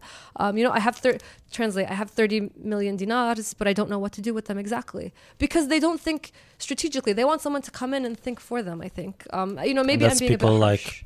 supposedly decision makers, and, and Decision they're, makers, they're yeah. po- appointed to be deciding on things. Exactly. And they just, I'm, maybe I'm being very harsh, but I saw very little strategic planning um, in my time of, of working with, with Libyan institutions. Um, and I think, you know, it comes down to this, this, this lack of identity that we have of who are we? Are we an oil country? Are we a Mediterranean country? What is Libya? What are Libyans? But I mean, just in terms of strategy, yes, we are in a very uh, uneasy place, very interesting transitional period.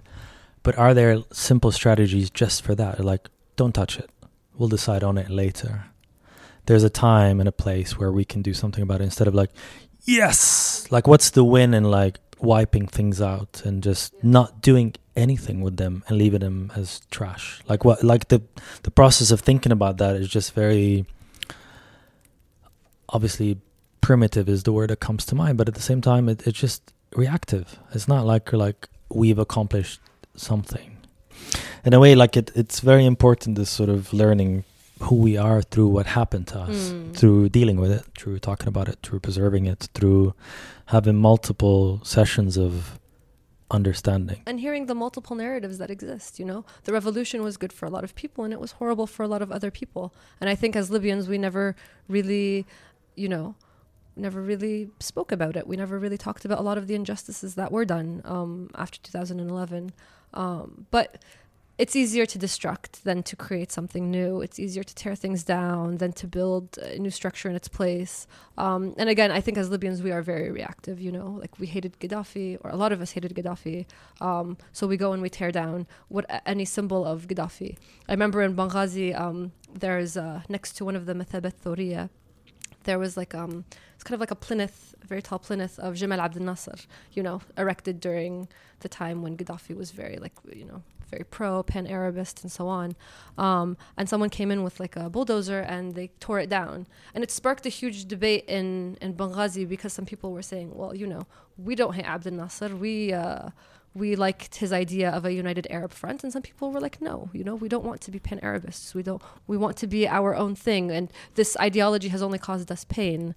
So um, it's it's also difficult to talk about what do you remove. You know, what do you keep, and whoever has the bulldozer gets to decide. Essentially, um, you know, and that happened under Gaddafi too. He tore down a lot of different things, a lot of different like. Um, um, symbols of, of, of who we are as Libyans, like um, Dhari Omar Mukhtar and Benghazi. Relocating and all that. Was it relocated? It was not relocated. It was just torn down completely, demolished completely. Suq al-Dhalam was demolished completely. Um, he, I mean, this is my father's theory. He was afraid of anything being more grand or being more um, commemorated than him um, or idealized. Might be not just that. It might be because it is what we are craving. Reminders of The the past. yeah the past and at the same time the ingredients of our identity. That's Mm. why we're struggling because you never pass by a statue of something. You never pass by through the museum of something.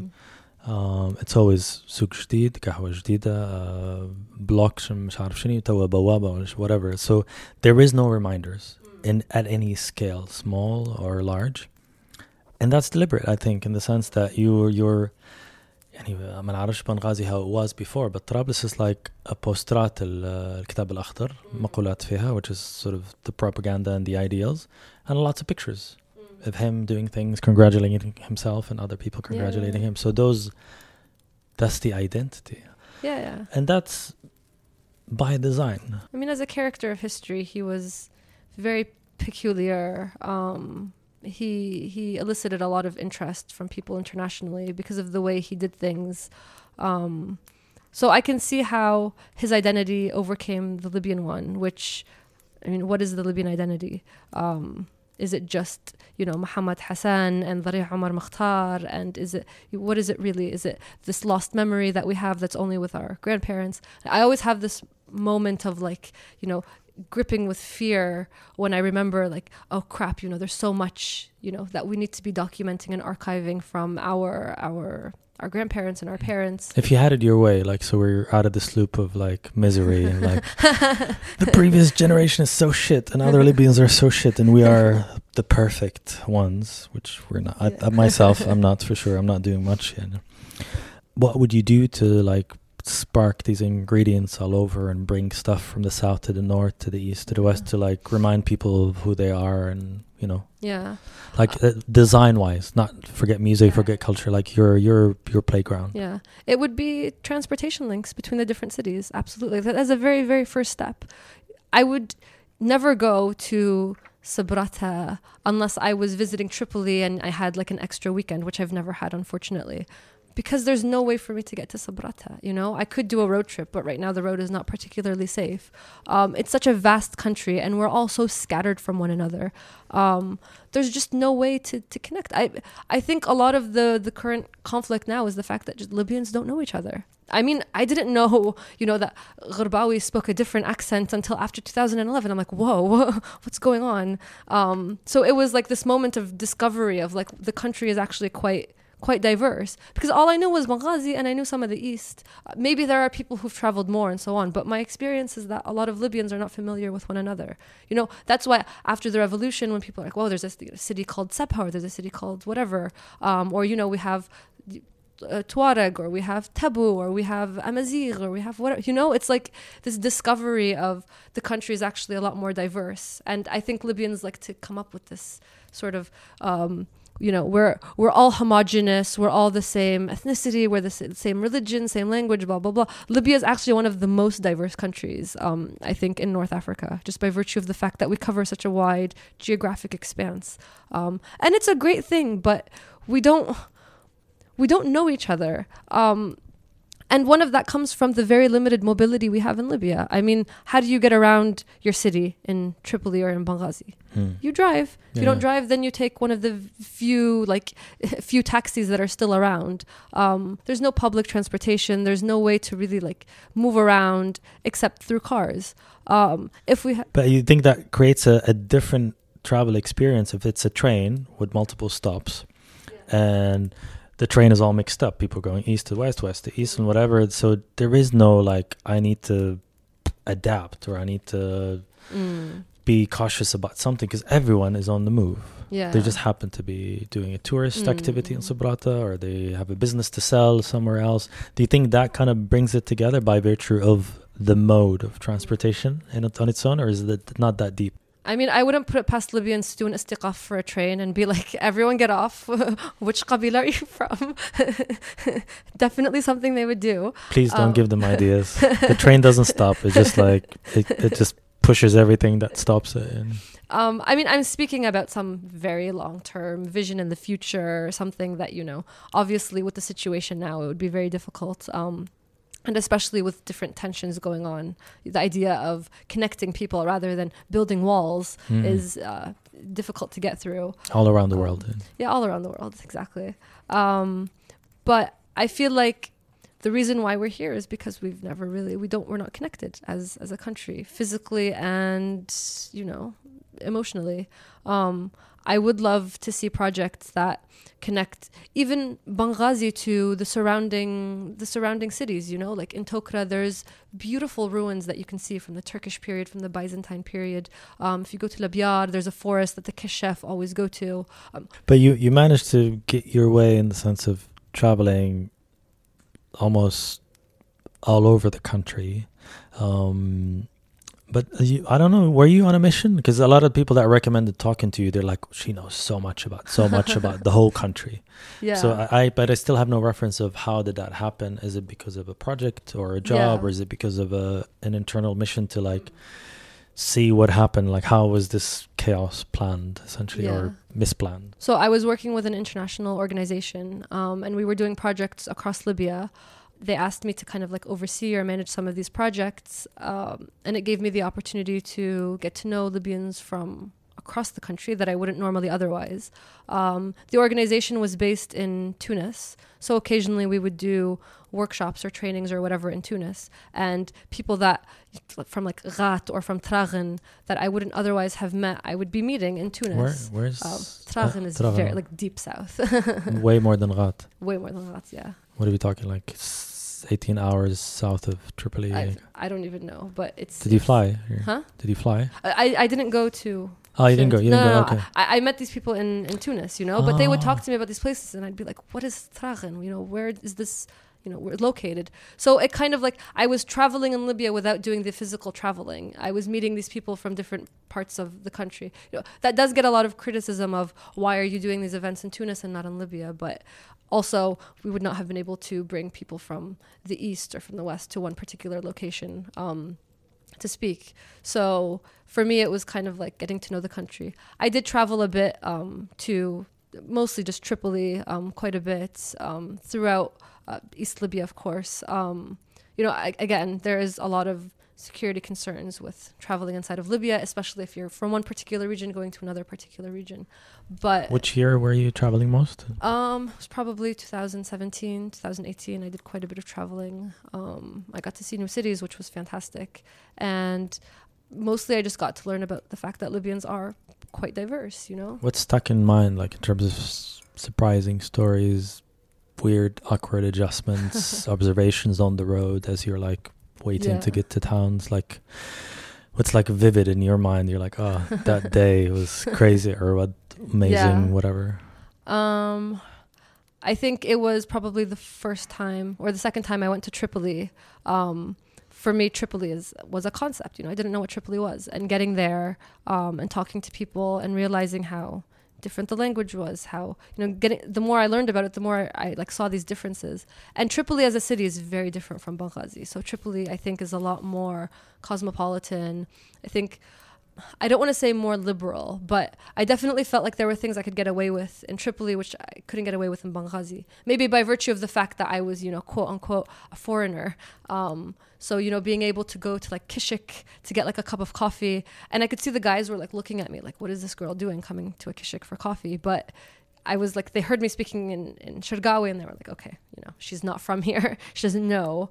Um, that was probably one of the, the great like discoveries. And I, So, so Libyans are nicer when they think you're not a next door neighbor or yeah, local. I guess when they know you're, You're not like, going to she's- about them. no, no, she's like she's she's far away. We need to look nice, act Yeah. nice, be nice.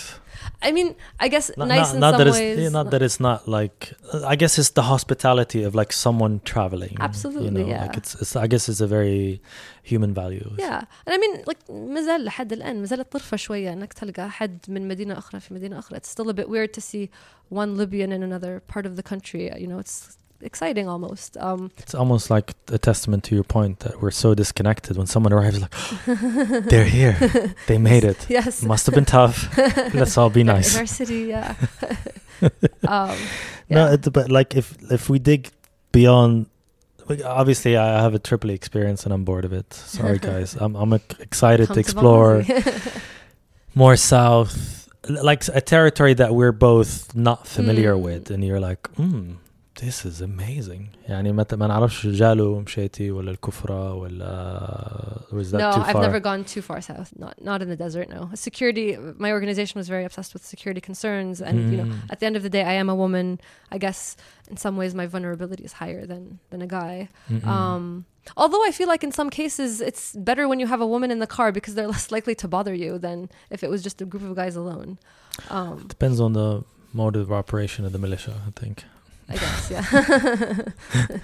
the operating system varies depending on mindset. How much they want to like yeah, yeah, no, it's uh, no, but it's still nonetheless interesting that you've invested in this to actually see it mm. because I mean the biggest problem with our planning, education, and projects done like a lot of it ends up being theoretical and on paper. Like I, I remember like had to going back education wise at Tenoe, like I've been to a lab twice all of my Mm. high school, and, Yeah. and that was a basement in a house. It was a it was a Libyan school in Morocco, which happens to be a big villa, 300 students. But yeah, yeah, everything is just on paper. Everything is an idea. You never really study it or execute learn it to execute it, you know. And that's that's what you mentioned was your realization after working in Libya for a while and therefore you're here. Yeah. But before we get to that, and that was the next bit, is graduation. Jamia Fithat in a very interesting kind of ad hoc genius way to get over this obstacle of like there's a war going on but these people got to be educated so it can keep going yeah so yeah. they're you know you won't be a student for like 10 years or so um yeah so this is a story i wish more people knew and i wish really gets out there is the fact that Benghazi university had to close down because the campus was physically next to a military base. Um, there was rockets falling in. It was just not a place that was conducive to learning. I know that a lot of people were even afraid to go to Garyounis as an area for a long time because it's quite outside of the city, um, in the suburbs.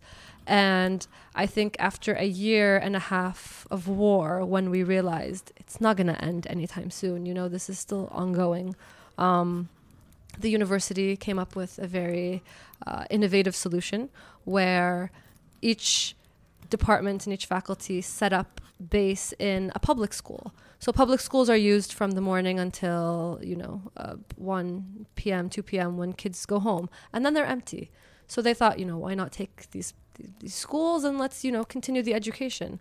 Um, as far as you know, is that like the administration of university? Is it like collaboration between students trying to find solutions? Like, how did the sort of this idea take ground? you Yeah. know? I think it was probably a mix of different groups and people all coming together and saying, you know, this we have to reopen the university. You know, this is not going to work. You know, we can't stay like like at war forever. And half the city was okay-ish to work in, um, minus of course the random rockets and like the the, the fighter jets and everything. But um, it was. I think a collaboration between students, it was collaboration between teachers and the administration, and people saying we want to get back to work. After a year and a half of war when you're doing nothing you get really bored you know? Um, you want to do something with your life. So the university posted a whole bunch of uh, facebook posts and they're like you know تعالوا ردوا للدراسة. Um, so they told us the name of the school that we were supposed to study in. For you, like seeing that post was like, yes, really, you're like, oh, these guys are crazy. I'm not leaving the house. Like, what was your feeling at that moment reading that? It was it was oh my god can i finally graduate now? You know it's been like what six years? We had to stop for a year because of um, 2011 and now we you know had to stop again. Let's please let us graduate. Because when you're not graduated there's very little that you can do with your life. Even if you wanted to leave the country it's like you don't have shahada you don't have a degree. And a lot of people who left and they were kind of stuck um, so I was very happy. I was like, yes, you know, first class, let's do it now. Let's get this over with. Um, so we went to the public school, which was a very strange experience. Um, at the time, I had like a semester and a half left. Of, Did you uh, feel a bit younger? You're like going back to like, uh, was it elementary? or Was it like uh, junior high school? It was uh, so all the schools in Libya have very almost the same design, the public schools. Um, so it was. I never studied in a public school in Libya, so I'm not sure. By similar design, you mean like it feels like a semi prison, basically. a little bit, yeah. Yeah, lots of like lots of bars, very small windows, Yeah. greenish. Some schools are nicer than others depending on the principal. Some of them have very beautiful, like jneinet, like gardens. Um, Not in my generation. No, no. no, lots of like glass on the walls. Whatever you're describing now is like so alien to me when you say public school, and I've been to few. Yeah. Yeah. Um, But what were, what were the conversations like, like for the first week, as as you saw them? It's in such a long time. The professors, the friends, and the neighbors, and you're all meeting again. Like, what what was the conversation like, and what was leaving like? Because you're leaving to that unknown reality as well. You know, like it's someone else's house or a neighbor or like a temporary situation. Like, what was what was on everyone's mind? Like, if if if you go back to that first week, you know, I think it's like a complete mix of feelings if I had to imagine it. I think I don't know. Everyone was probably a little shell shocked. Um, everyone was very happy. I, at that point, it was about a year and a half, almost two years um, since the, the I mean the proper you know war and guns and blah blah blah started. Um, So we were all kind of very matter of fact, like, oh, you know, I had to like be displaced from this area, and now I'm staying here. I'm displaced from that area. Um, you know, Libyans just have this bizarre like built-in thing where we are you know kind of like get over the the, the absurdity of our situation and just kind of accept it. Um, it's very like kafka-esque. Um, and i always feel like that's like libya you know? Like something happens you're condemned to this particular fate and you go around our strange system trying to figure out why and at the end you, you don't know. Um, and so we were just sort of like well, I guess we're architecture students again. You know, let me get out my uh, my foam board and my mechanical pens.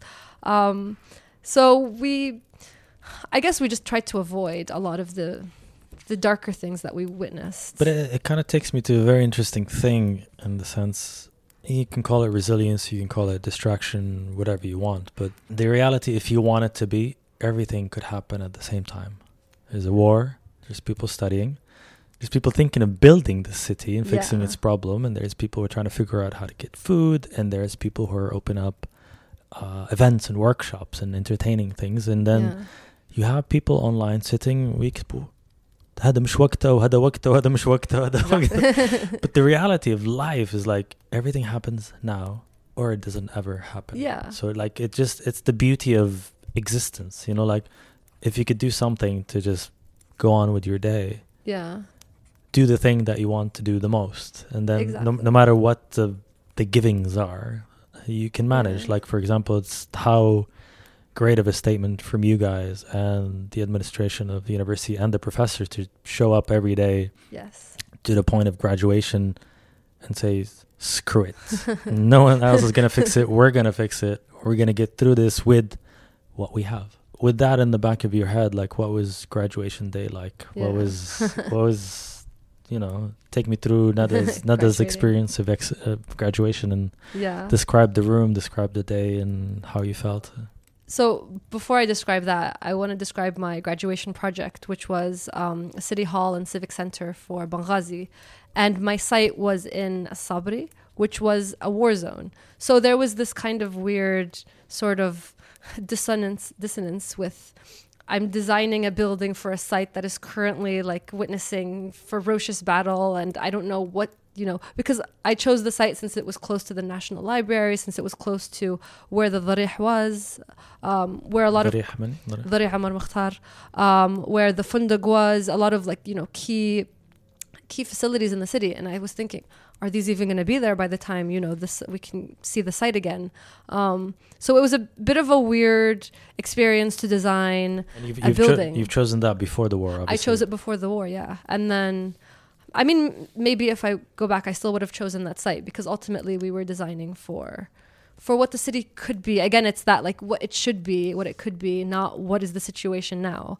Um, and you know, I was happy with with the project. You know, it gave me a chance to really like you know put in all of the the extent of my architectural education, and I was very happy to know that after a year and a half of war and of diverging to different sort of activities, that I was still an architect and an urban planner at heart. Um, and then the day of um, my thesis defense. So, uh, in the engineering faculty, you present your graduation project to a panel, um, and it's a really great opportunity because your friends come, your family comes. Sometimes they let you they let them in the hall, sometimes not. So I had an audience of people who were all there watching me. Um, but I just remember thinking when I was standing in front of my posters, it was like a wall of posters of my graduation project, and I was thinking even before I said anything or I started the presentation, it occurred to me like it's over it is finally over. I, I'm done with school. I'm done with architecture. And I don't even remember what I presented. I just remember like it went by in like a dream. And I remember my mom coming up to me and crying. And I remember, you know, my professors were clapping for me. And it was just this, this, you know, it was all emotions. It was all emotions. There was no words. It was just that feeling of, you know, I did it. We did it. You know, I was displaced from my house, but I still graduated. Um, my professors are displaced; they still showed up. Uh, my classmates, they all, you know, did their their project, and it was just this moment of like, you know, it was a moment of victory. I don't know a victory of against what, but it was just a feeling of you know achievement. Um, we're not resilient in the sense that we're like you know this glamorized you know group of people who do anything. It's you have to you know? You're in a really horrible situation. Life is you know against you and you just have to move on. Um, we are i guess Benghazi is resilient to use that word but also we just have to to overcome. It is a good thing about the city but it's also a bad thing in the sense that we just adapt to whatever problem instead of trying to solve the problem.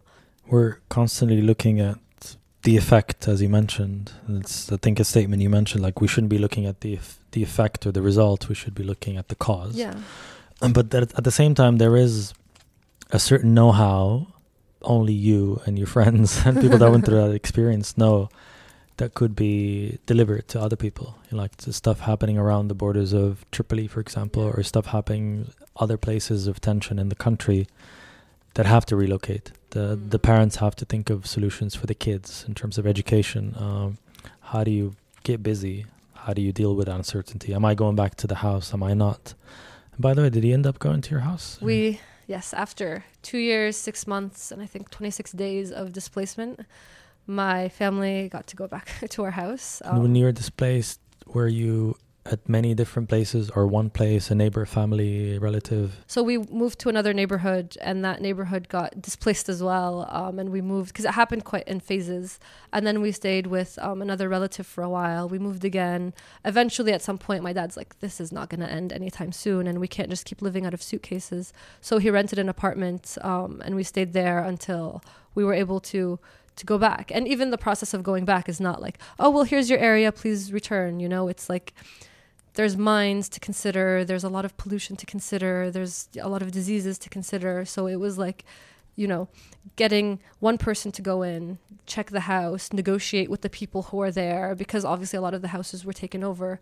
Um, and then kind of like slowly Taken over slowly- by. by by people the people who are fighting so each Ah, time okay. each time an area is taken the um, the conflict line or the zone is pushed back so they kind of base in that that, that area before and so on And that's how kind of it was fought in uh, in Benghazi um, and it was just it was a weird process of, of eventually going back um, I remember you know my dad was just in shock. He was quiet when he saw the house for the first time. Um, he was so shocked. The only thing he brought back was a textbook from his library. He's like oh i need this for my class next week. And i'm like this is all you brought back. What did um, you want back? What were you uh, looking forward to seeing? I, I wanted my books. I wanted my my my sketches my architectural stuff. Um, i don't I, I think i just didn't care about that stuff though. I just wanted to go back to the house. Um, and when we did eventually go back obviously you know all of our stuff was all over the floor. You, you could tell that there were like different phases of like thievery. Um, Mm. so you know at one point someone had locked my door because they thought it was like a girl's room. And then someone else had come in and broken it opened. Um, some things were stolen. I think you know we got off lucky compared to a lot of other people in benghazi. Um, what was valuable to you that you couldn't find? um, I think at that point nothing was valuable. Um, all I just I had my family, we had the house. I think maybe just our pictures, our old pictures, but we found them safe. They were obviously not valuable to thieves. um, that was maybe the only thing. Everything else you can replace, you know. Um, and I think I think that experience changed me in the sense that I'm not as material as I used to be, where it's like nothing has any kind of value, you know, because you can lose it so easily and so quickly. Um, when we left our house, we thought it was going to be for three weeks. We did not think it was going to be for for as long as it was. Um, So the, the biggest struggle, not to summarize it because it's so difficult. Like for you, like is it is it the uncertainty? Is it the fact the uncertainty of when to go back, or is it the fact that I might never go back because the house could be completely wiped out? Or like what is it that's the biggest fear for those like two years and six months?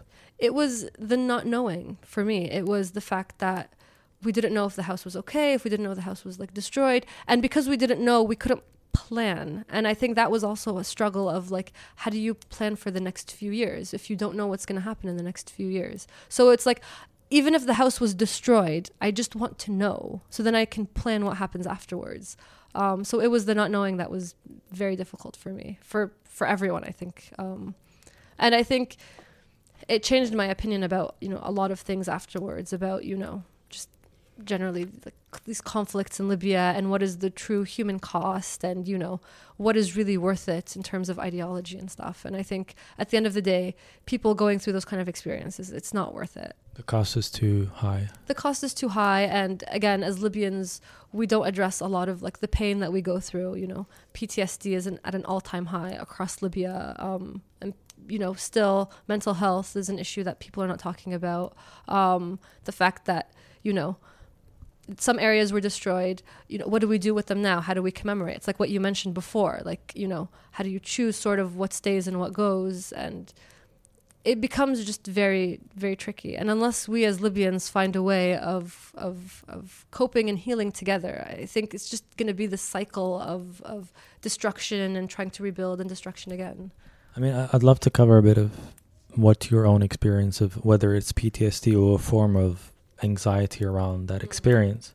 But before that, like as as you traveled from where you were back home mm-hmm. and looking at the landscape changes and looking at the potential environmental issues, uh, as you mentioned, sometimes spread of diseases. I don't mm-hmm. know what that could be like. Like from an urban design, I don't know what that period is called. Like after after demolition and then Yeah. re rehabilitating or re I don't know modeling. I don't know what the right word is. Like if, mm-hmm. if something that happens to an area, we're not just talking a house. Like did that open your eyes a bit more into like there is a tr- there's a certain stage where it's not in the books. Like there's a stage of nothing and there's a stage of building and there's a stage of neither here nor there.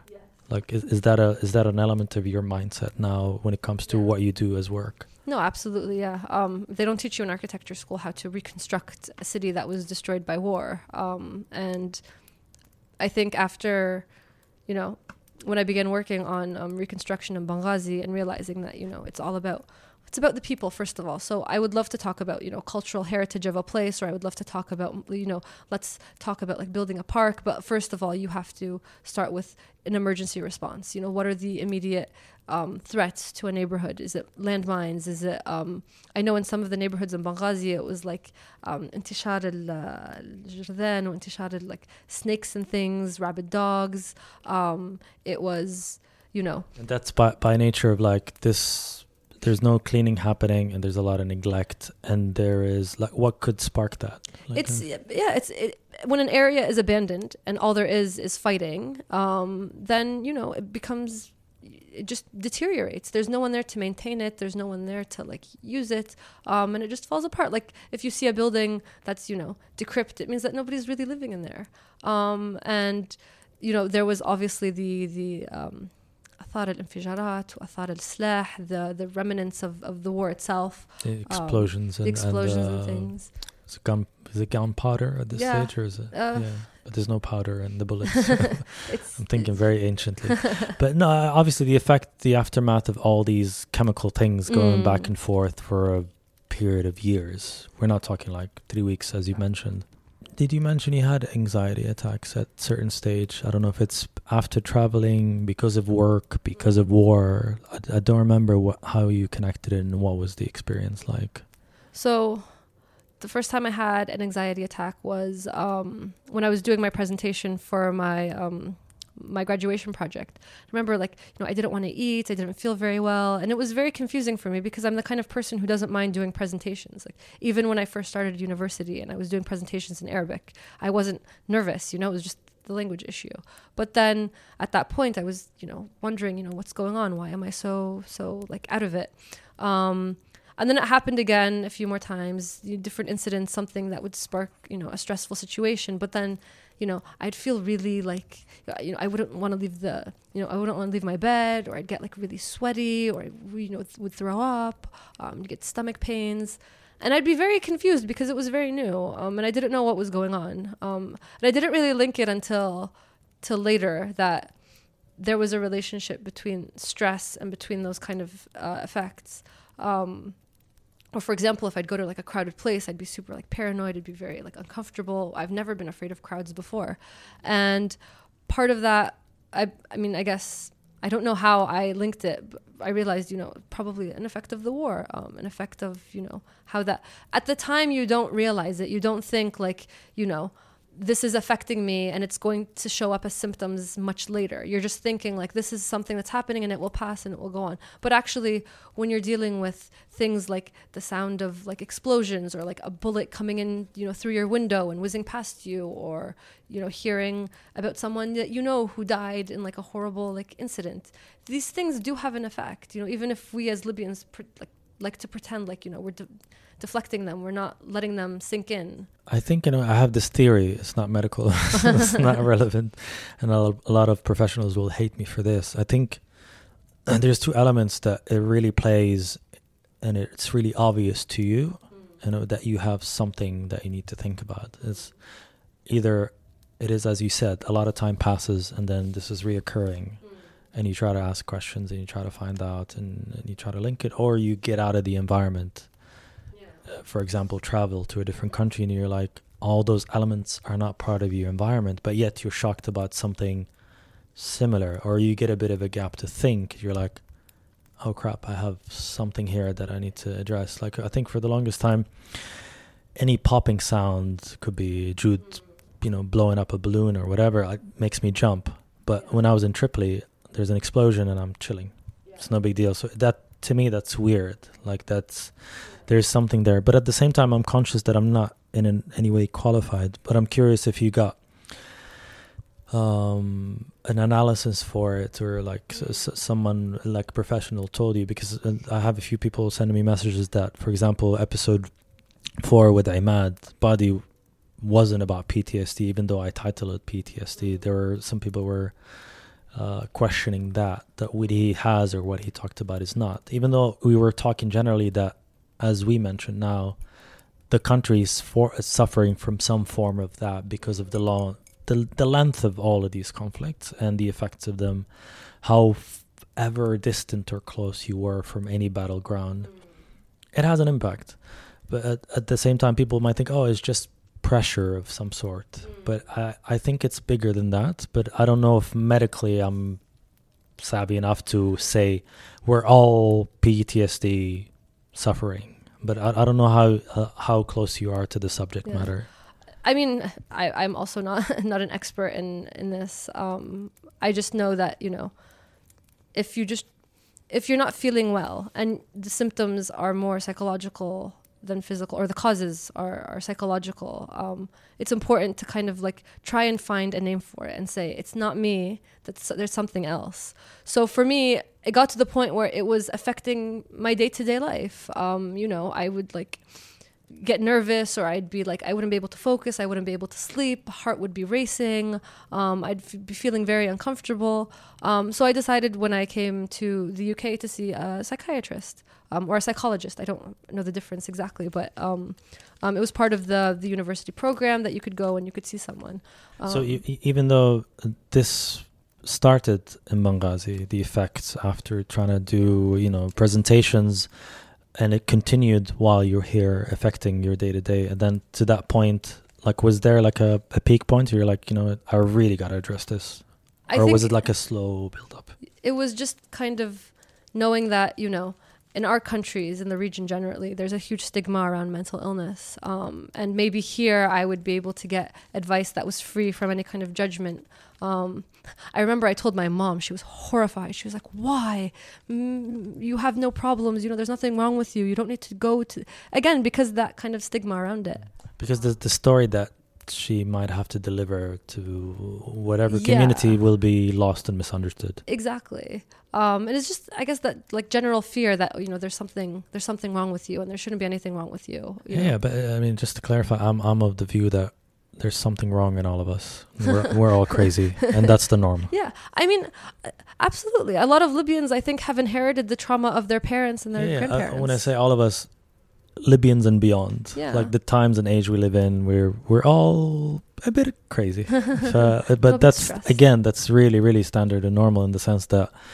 uh, it's it's part of the brain, it's part of the mental condition, it's part of what we're doing day to day and how things are changing, how we're communicating are changing, social media effect, the news, uh, stress of all kinds. So if you decide that there's something odd that I need to investigate, is not an issue. Mm. Like you, you, you didn't see it as an issue. Like, I didn't see it as an issue just because the symptoms for me were physical and I was sick of them. And I just wanted the doctor to prescribe something for me that would just make the physical symptoms stop. Um, and so I went to um, I went to see him, and he made me talk about like you know my you know wh- why I came and what were the issues. So I told him like all about the war and the people I know who got killed. Interesting. Just one point, not to interrupt you. Like you, the symptoms are physical, but yet in your mind, like I need to see a psychiatrist or a psychologist. How how how did you get to that result? because the um, the things that would trigger me was stress and before stress would never trigger trigger such intense symptoms whereas now it was. And i was like you know there's no pill for stress so i just have to go see someone and ask if you know they can prescribe anything for me. Um, so it was like a, a regular doctor would not be able to help me and i knew that a regular doctor wouldn't be able to help. So um, i went to to this guy and i talked to him about everything. He asked me to talk about my past. Um, and he just told me you know you are aware of what's going on in your mind. You're aware that you know what is happening is a product of certain stressful situations. There's really no way to like magically cure it or magically fix it. Um, apparently they do some kind of like thing with uh, um, people who've uh, who have PTSD where they kind of like move ra- things rapidly you know in front of you and kind of like different Eye muscle exercises. kind of yeah kind of to to um, to adjust your your responses and your triggers somehow i guess.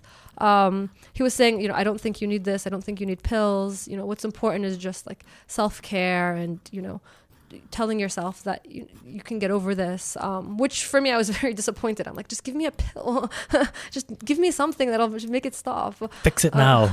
exactly like in libya you get like a cough you just take antibiotics directly you know just fix it حبة سكر حبة ضغط حبة uh, ولا يبرد حاجة ضروري like it has to happen like this moment and a little bit of like بخور وشق in case it's ain and you know we, Yeah. we got it all covered so, the, so the fact that told you there this is a process you're like I don't want dude you Yeah. suck you don't know what you're doing ما كانش عندك جر ولا حاجة هيك Exactly. drawer with pills so, so what happened next um so I've now I've been kind of working more on you know staying out of stressful situations not over overwhelming myself with work um one of the things that used to give me major major anxiety was traveling to and from the airport in Benghazi um before then it was Labrag and you know like getting like bothered by the the guy at the customs he might be like انتي بنت بروحك you know are you, you shouldn't be traveling or having like تصريح أمني or any of these things so Ma- Matar al-Abraq was was the temporary one as the fighting was going on exactly that and was stressful. That was stressful because it was a three and a half hour journey. And then sometimes you get there and they'll be like well your flight is cancelled do three and a half hours back to Benghazi. It was stressful to find someone to drop you off. You know my dad was working. Uh, my mom couldn't take me there alone. So I'd have to like beg an uncle or someone to take me. Um, and it was like waiting for your flight not knowing it's another Um, element of uncertainty basically. Exactly. It's our lives are all uncertainty in Libya. you don't plan like longer than a week. Um, so uh, airports for me really triggered me because I'm always like, you know, am I gonna like get stopped? Am I gonna be trapped here? You know, I mean, when I thought of it logically, I always thought, you know, this is haymashuni. They're gonna let me go. You know, it's not gonna. It's not a big deal. But for some reason, it was just that kind of like anxiety saying, like, you know, you need to freak out about this, as as it does with a lot of other like, it could be something very dumb, you know, like a program on my computer crashes, you know, it's it's fine, I can find another program, I can figure it out, but then it would just trigger that sort of an accumulation of stress that sets me off. Um, I can easily say things connect, but the reality is they are disconnected events that tie into each other, and then an event happen. Almost like it's almost like a mine, right? Marbut fi Turkina, like somewhere in the middle of somewhere, and that's the the cause. Yeah. But the effect is like someone stepped like a kilometer away.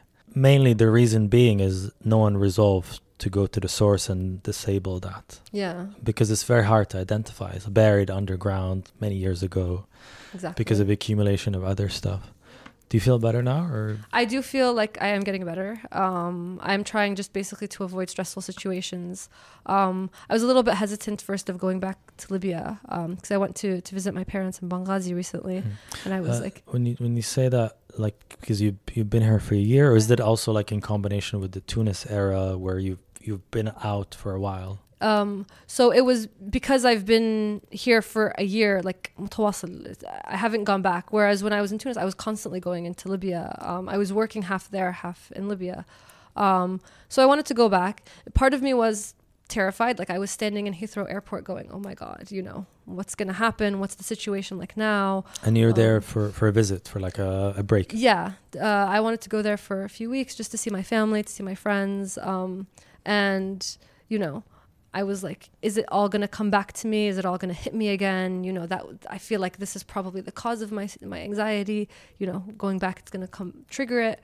Um, and I went back, and it was just it was wonderful. Um, I mean, part of the reason is the fact that the war is over. Um, so you know, my family's in their house. Everyone is generally okay.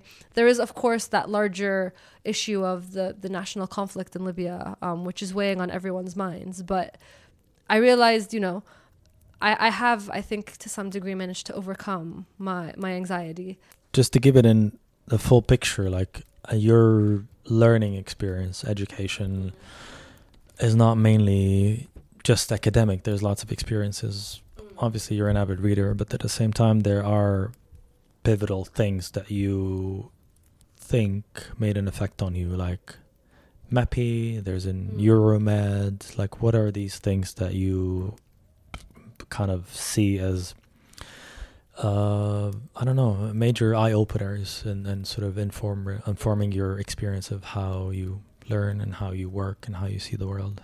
I think the MEPI program was definitely a bit of a turning point for me. Um, so MEPI is the Middle East Partnership Initiative. It's um, an exchange program with um, the U.S. They take um, young students from across the region to the U.S. Um, to engage in like leadership building and you know developing civic engagement projects and so on. Um, I went in 2012. It was a program that was actually ongoing before uh, 2011 in Libya, but um, I guess we didn't really hear. I didn't hear about it before. Um, and the idea was, you know, putting us in American universities um, and getting us just to to interact with one another, interact, talk about and discuss and expand on key issues. Um, the university that I was in looked a lot at um, uh, civil rights issues, so things like women's rights and so on. Um, we also looked a lot at political participation, which at the time made sense because um, a lot of the countries in the region were, um, you know, kind of going through this transitional phase of like democratizing and so on. Um, all of that didn't have as much of an impact on me as just working with um, people from the region. Uh, I've never met, like, for example, a Bahraini before. I've never met, like, a Moroccan before. That's all And- happening in the U.S. This was all happening in the US. Um, and it was a six week program, um, which really, I mean, had, I think, a very positive impact on me because it broadened my horizons of what I could and couldn't do. Because remember, when I came back to Libya, the world suddenly became very small and very limited. Um, and then with the revolution, kind of everything was broken down and you could really do everything. But it was kind of like, so what do I do? And then with MEPI, it kind of showed me all the different possibilities that I could do. Um, and so that's kind of where um, the Young Writers of Benghazi idea came about. It, I brainstormed it in in the U.S. It was, you know, what are you Was it- passionate about? Was it Georgetown? It was Georgetown University, yes Mhm. um, where I I was uh, based. Um, it's a program that is still ongoing today. Um, I think it's it's a great it's a great opportunity for young Libyans who can really make an impact um, in their society, which I, I realize sounds a lot like marketing for it. Um, Mhm. But in in a way, like it's what kind of person are they looking for, and how did it come to your radar, and how do people apply? Like if if you want to make it a an easy step by step process, uh, I'm sure it's a demanding application. You have to have some Yeah. sort of something that they're looking for, right? So they're looking for people who have begun doing civic engagement projects in Libya um, and who would benefit from going to the US and learning how to kind of develop what they're doing, make more sophisticated programs, but also the networking aspect of like how can you do this on a wider level, whether it's nationally or regionally. Um, it's an application process that opens, I think it starts in October or November and then the deadline is around the end of December, and then they start doing um, vetting the the different applications. They do interviews, and then if you're selected, you go in, in June of the next year, end of June. Um, I'm currently mentoring a few of um, MEPI alumni who just came back from from the U.S. Um, and they're all working on different projects.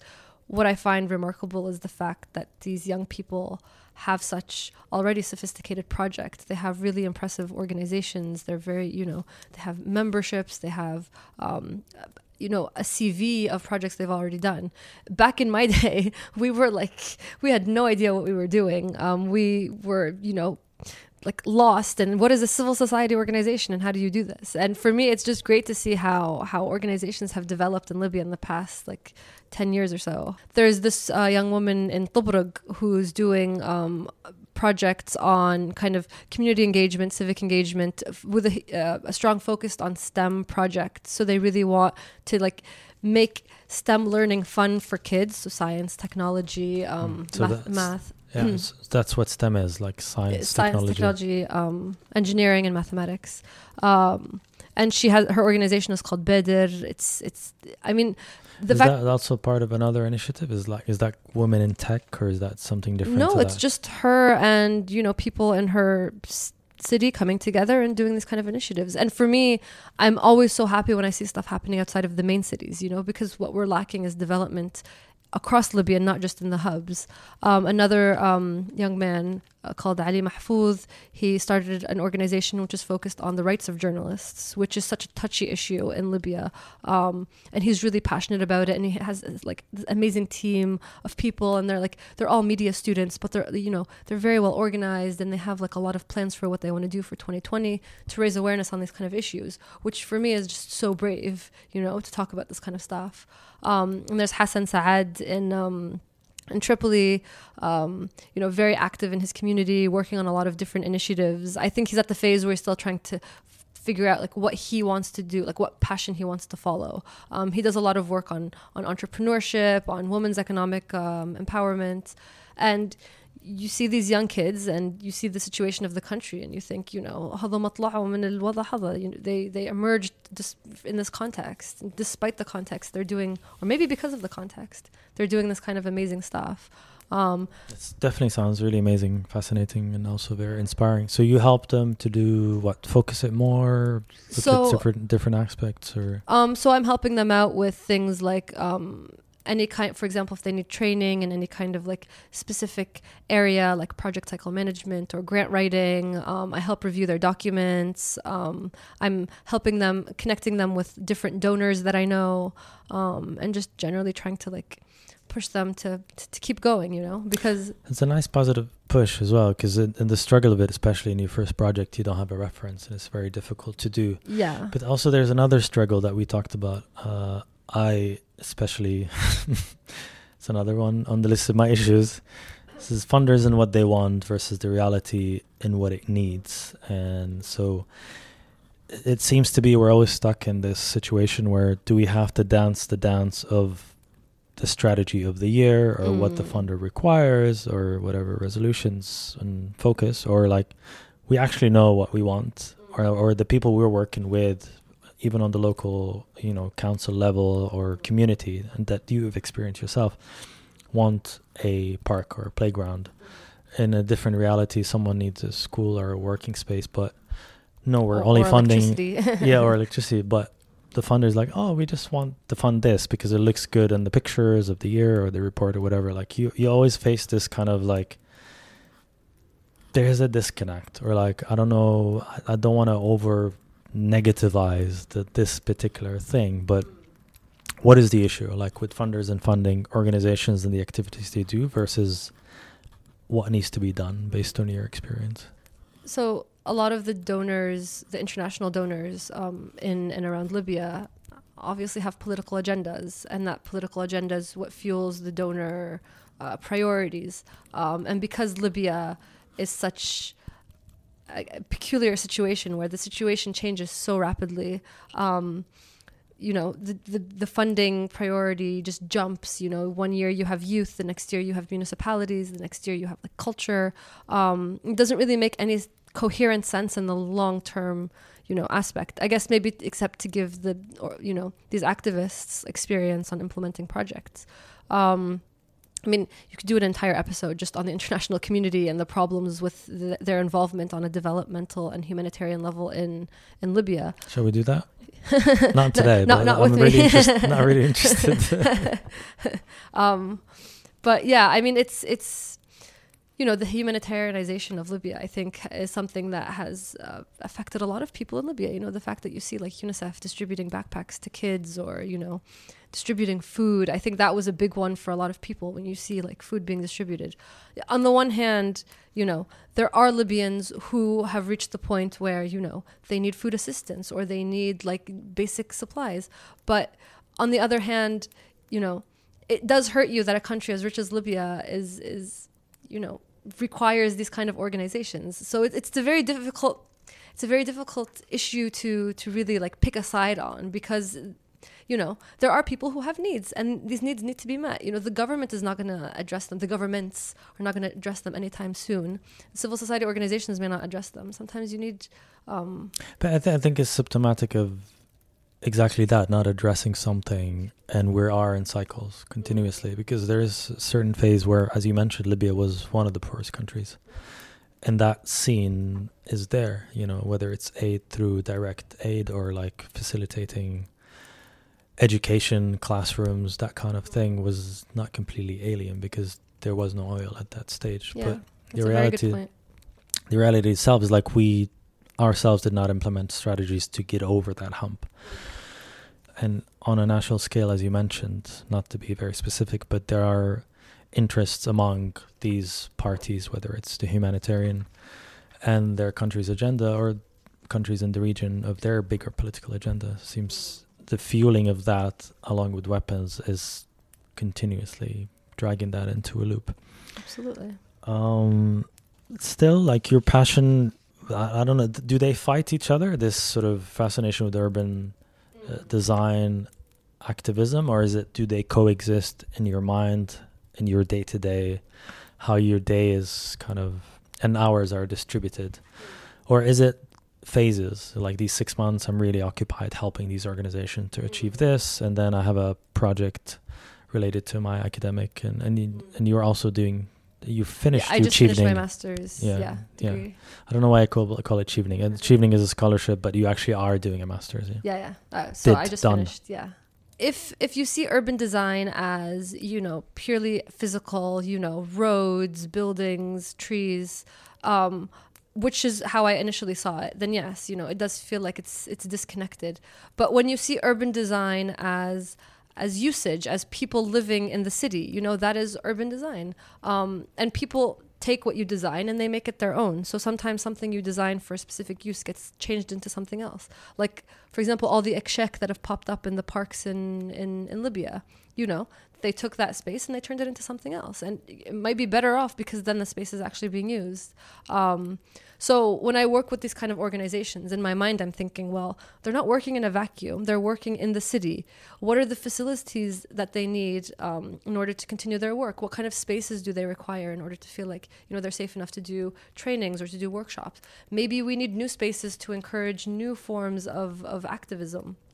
Um, and so for me, it's definitely linked. And part so the masters I did in um, in London was called Building and Urban Design in Development, and essentially it kind of takes that very technical urban design architecture focus, but then it situates it in reality. So what do you do as an urban designer when there is an area you want to develop that has an informal settlement or a slum?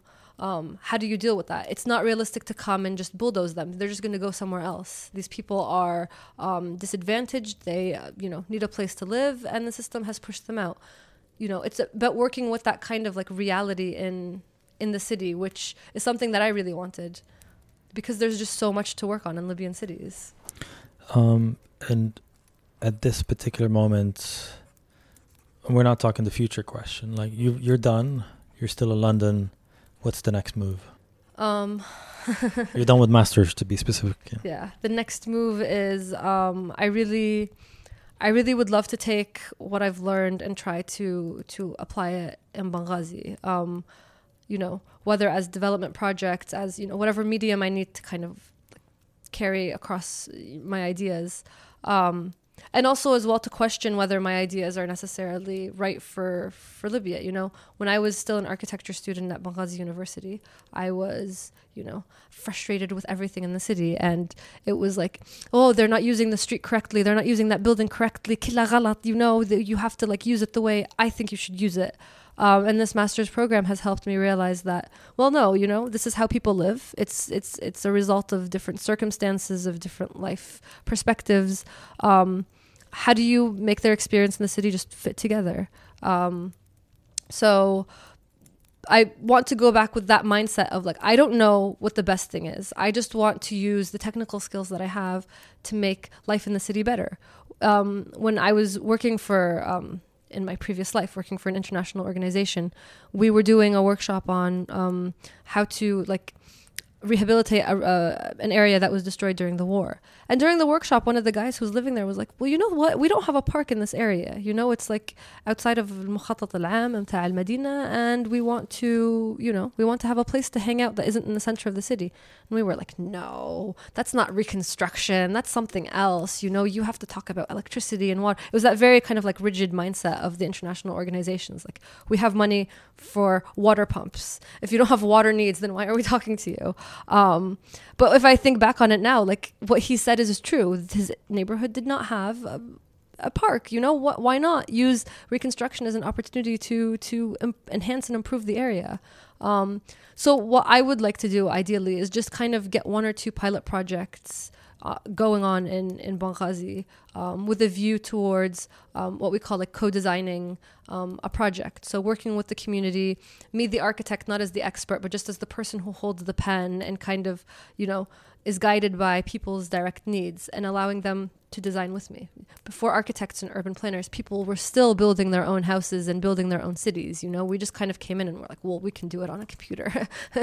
we're like the experts. But no, you know, these people know how they want to live and we can offer feedback saying maybe it would be better if you didn't put your house directly on the edge of the road. Maybe you should have a setback. Maybe, you know, and I would love to pilot that in in Benghazi and see if it would work. Bigger than that, like I think you you mentioned a, a dream of yours, which is to basically walk around the city with without a car.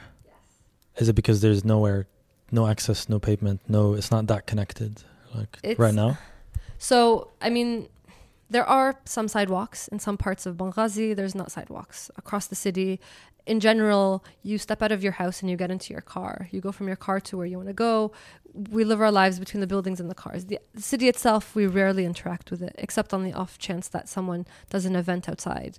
Um, and my dream is to be able to navigate my city without needing a car because before I got my car in Benghazi, I was completely dependent on someone else to drop me off and pick me up. It was incredibly infantilizing. You know, you're sitting there and someone's stuck in traffic or there's an emergency and you're just like medwajhak and the person who needs to like lock up is like waiting for you to go home. Um, and when I got my car, I was like, this is amazing. You know, this is me being able to like do whatever I want now without any constraints. And I feel like, okay, I got a car. There's a lot of people who wouldn't who don't have that ability to do that. You know, there's a lot of people who are disadvantaged and who probably have a very limited experience in the city for that reason. So, how do we redesign the city in a way where it can be accessible to most people? Um, I mean, especially, I mean, now, now here, there, everywhere, car is not is not really the ultimate solution to to getting around because it's becoming an obstacle because you are constantly frustrated, stuck in traffic, causing pollution, road rage, accidents, lots of potentially unnecessary things. Um, on that note, um, just going a bit you know wider and zooming out based on your experience your reading um, traveling what are facts i think that you i think mostly get from books that you know about libya that mostly libyans or maybe people that are curious about libya would not know intuitively you know like for example one of the things that are related to urban design you mentioned that libyans during the italian colonization were forced out of the city uh, their camps. Um, also, the percentage of urbanization of Libya compared to Africa. There's, if you like put it down in like little nuggets of facts, and then if you just throw in references of books for people that are excited to know more, to go So, like your recommendation of understanding the bigger picture. Yeah. Um, so there are a lot of interesting urban um, urban planning and urban design facts in Libya that I think we just don't know about or maybe don't care about. Um, for example, that Libya is 84% urbanized. It is the most, if not the most urbanized country in all of Africa, um, especially compared to North Africa. Can you explain that a bit further? Just simplify. it. Urbanized Yeah. meaning cities exist and facilities or housing or like just dumb it down for someone who's who's m with my mindset. So urbanization means the percentage of people who live in a city versus living in a rural area. Um, most uh, most Libyans today live in a city, you know, a proper city with roads, with with facilities. Um, we have very few people who live um, in rural areas who still work in farming, a very small percentage. That came about because the discovery of oil and then the creation of the system of, you know, everyone getting, you know, a salary from the government and then there not being a need to to, you know, to grow agriculture and also this ability of well, if we have money, we can just keep building more cities um, and building new cities, and that's a lot of what was done during um, the the 70s and 80s. Um, But they're like different scales of cities. They're not like all Benghazis Yeah, yeah, or yeah, Tripolis course, or Zawias. I mean, Benghazi and Tripoli rapidly expanded during that period, but then there was also attempts to try and and I guess you could say settle the population because under the Italians again, Libyans were basically forced into certain locations. So like Buslim used to be a camp. Um, if you look at Sulug or um, a, a camp during the Italian days as a, an imprisonment camp, basically. So the Italians do not have a, uh, will not tell you exactly what it is. Um, they've largely tried to hide that part of their history, but they were essentially concentration camps. They were trying to control the population. They didn't want them to move around. They were trying to frame it as we're making the population civilized by settling them, but civil the, the So population. was it like a transition phase, like a B&B, like uh, to to to Like- introduce them to cities, or obviously to keep them there? So it's yeah, to keep them there basically that was that was the essential goal um i mean you know for them they saw libyans as like bedouins who just moved around they didn't link it to the lifestyle to the economy to the society of the country at the time it was just a matter of um you know هذوما قاعدين you know في البر لازم نجو and we have to civilize them so they would put Libyans into camps um, you know camps like Al Agela um, Sulug they there were they were brutal places where Libyans were starved Libyans were raped Libyans were killed um, and they're they're brought from all over the region, specifically to people in that camp. So they were in cities They at were in- or like they were in towns. They were in settlements and towns and villages. There was different configurations. Um, I think we tend to look at Libya sometimes through a very Western lens of like this is a rural area and this is a city, whereas in Libya there was different modes of living depending on you know. I, someone told me a story of how their grandfather was was living in a city and then they were Bedouinized because it was more profitable to raise you know to ra- raise livestock at that point in time. You know, it wasn't a way of life based on who you inherently are as a people. It was just a way of living. Um, so something, you know, there's different configurations of that.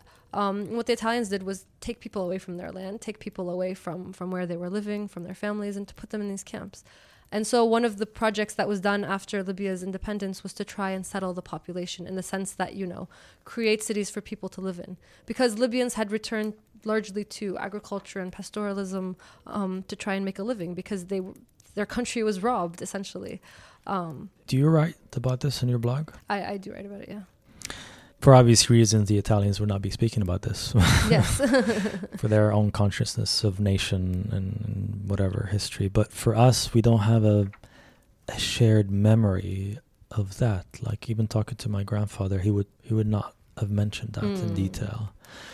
How how how did they manage to wipe it off of our memories? You know? Probably the same way we've been trying to wipe like the Gaddafi era from our memories by erasing the physical uh, evidence in the cities. Um, I mean, it was a very traumatic time for for people. Um, very horrible time. I I heard it largely. F- I I also didn't hear it from my grandparents. I heard it from you know other people who've spoken to their grandparents about it. Um, about kind of the the struggles they went through, the injustices they faced.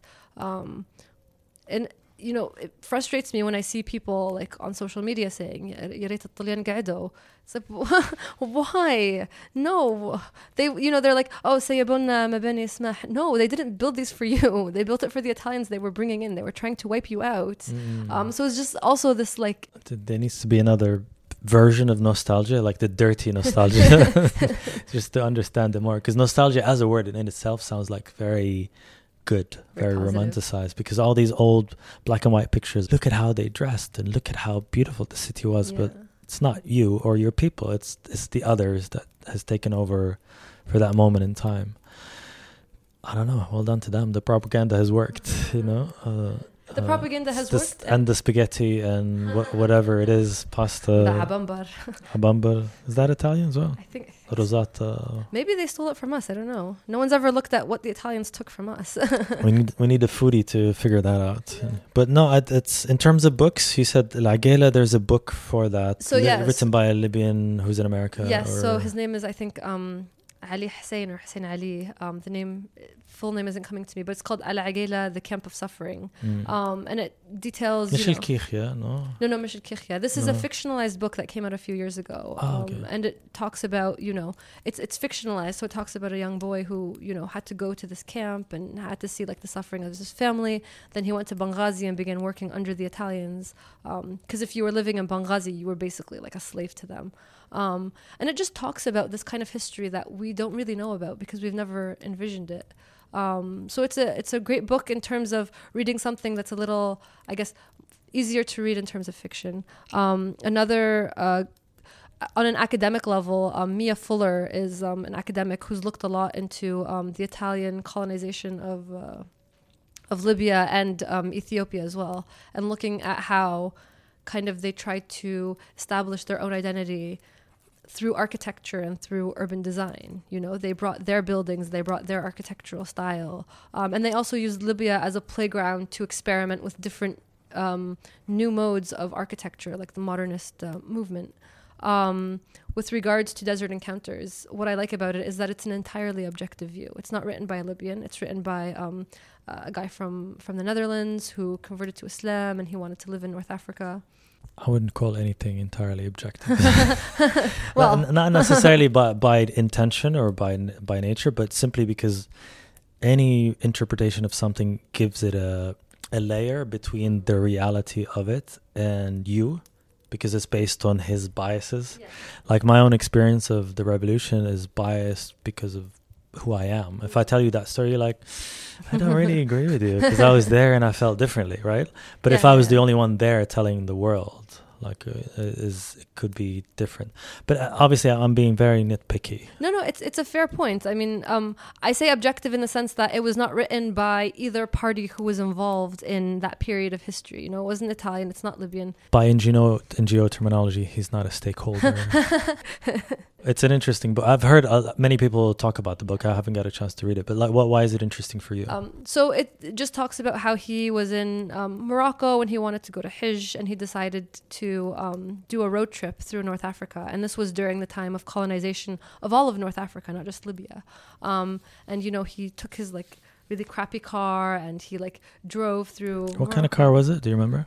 Oh man, I don't remember. I think it was a Chevrolet or something. I think the most. I mean, if you started in Morocco, it could have could have been a French car. Depending on the year, could have been a, like a Renault Four, which is like super metally, skinny tires, horrible.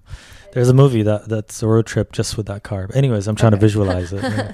I just like تخيل قرباجة like قرباجة like a proper Libyan قرباجة Yeah, like yeah. going through from um, from Morocco, Algeria, going through like the desert, Tunisia, meeting different groups along the way, learning about the um, the resistance of like different r- groups against like French colonization, um, and then getting to Libya and being completely like confused at the fact that he you know they were trying to prevent him from entering the country they were trying to prevent him from you know continuing to drive after Tripoli um, there was a lot of like طاح في بوابات هو نخش يعني على طول سبحان الله كانك تقرا على ليبيا تو اقسم بالله واحد قال له um, انت التصريح متاعك لطرابلس لازم تاخذ تصريح اخر من بنغازي باش No تمشي way. لبنغازي. I'm like oh my god how But are I- we still doing this if I had to blame someone, it's probably like uh, W- was it during British colonization or is that before? It was it was the Italians. It was the Ital- Italian administration. Oh, okay. um, so yeah. bu- bureaucracy like embedded in, like deep, Exactly. deep, deep, deep, deep. and like yeah بوابات استقافات um you know a lot of like paperwork عدي دور فلان where is your like folder with all of your documents So it's Um, almost like a diary, like day for day, moment for moment. This is what he Exactly. experienced. um and as he was going you know through the country and he would talk to like actual Libyans and he would talk about the suffering that he was witnessing he would talk about the things that Libyans were saying to him and how they felt um and it's if you're like maybe like a foreigner who's reading it and you think oh this is pretty sad but uh, i was reading it as a libyan and i was just like oh my god you know like it just it made me really like depressed. It was so sad to like read things that is still happening today you know? It's just this continuation of of suffering and of us you know constantly being you know being oppressed um and he goes to the desert um so he's between um, Tripoli and Benghazi, somewhere around Sirte. He gets lost. Um, the the Italians find him again. They bring him to Benghazi, and then he talks about life in Benghazi um, and how you know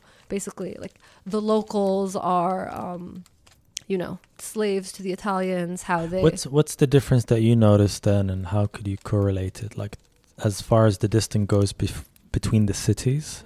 And the events that are taking place, is it like so far apart Yeah, in terms of lifestyle, or Well, no, because I mean the Italians tried to create a very homogenous system that they had. Um, in terms of the Libyans, all you really got to see was was the suffering. Um, the only time I think when he really kind of delved into detail of the culture was when he was in Derna, and he was essentially stuck there for a while, and he was talking about Dernawi culture and the people and so on. And that for me felt like you know, yeah, that sounds like Derna. Um, just like this kind of like coexistence with nature, this like you know expertise and everything to do with like herbs and food and so on. Um, but with Benghazi and Tripoli, all you really could read was, you know, very oppressive Italian bureaucracy. You read about like hangings that were happening, um, you know, for for very like minor reasons, just to kind of like scare the population. Um, and then he gets to the point where he's going, I think, um, from this was when he was going to Derna, um, and then you had the um, what they called like the Bedouin, the, the Bedouin fighters, um, and they were Um, he got captured by one of them, and he, they were like "انت طلياني ولا أنت أجنبي," and he was like, "I'm, I'm, you know." He حك- حكى لهم قصتها. so the Italians did not have a hand or any control there. The Italians tried to control as much of the land as possible, but it was a very vast land, and there was a lot of pockets of resistance.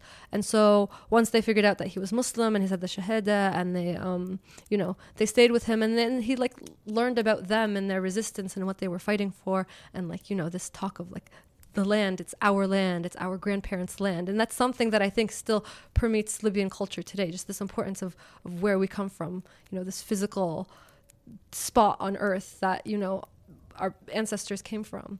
Um, and so he um, he stayed with them for a few days, and then they like let him go on his way. Um, he got to Derna, then he was arrested and eventually deported. Um, they wouldn't let him go through to Egypt. Um, just because they, they were unhappy with him being in the country. The They- Italians. yeah, the Italians. Um, he eventually goes and meets like um, Malik Idris in um, in Egypt, and you know, conveying what he heard, and you know, he tried to like do a lot for. for Was he was he writing throughout and I keeping think it? yeah, like- I think he was journaling throughout this this period, and he had Mhm. letters and he had things. So, so the issue of like his presence only is not the fact that the Italian kind of were suspicious that he's writing and they read it and confiscated that.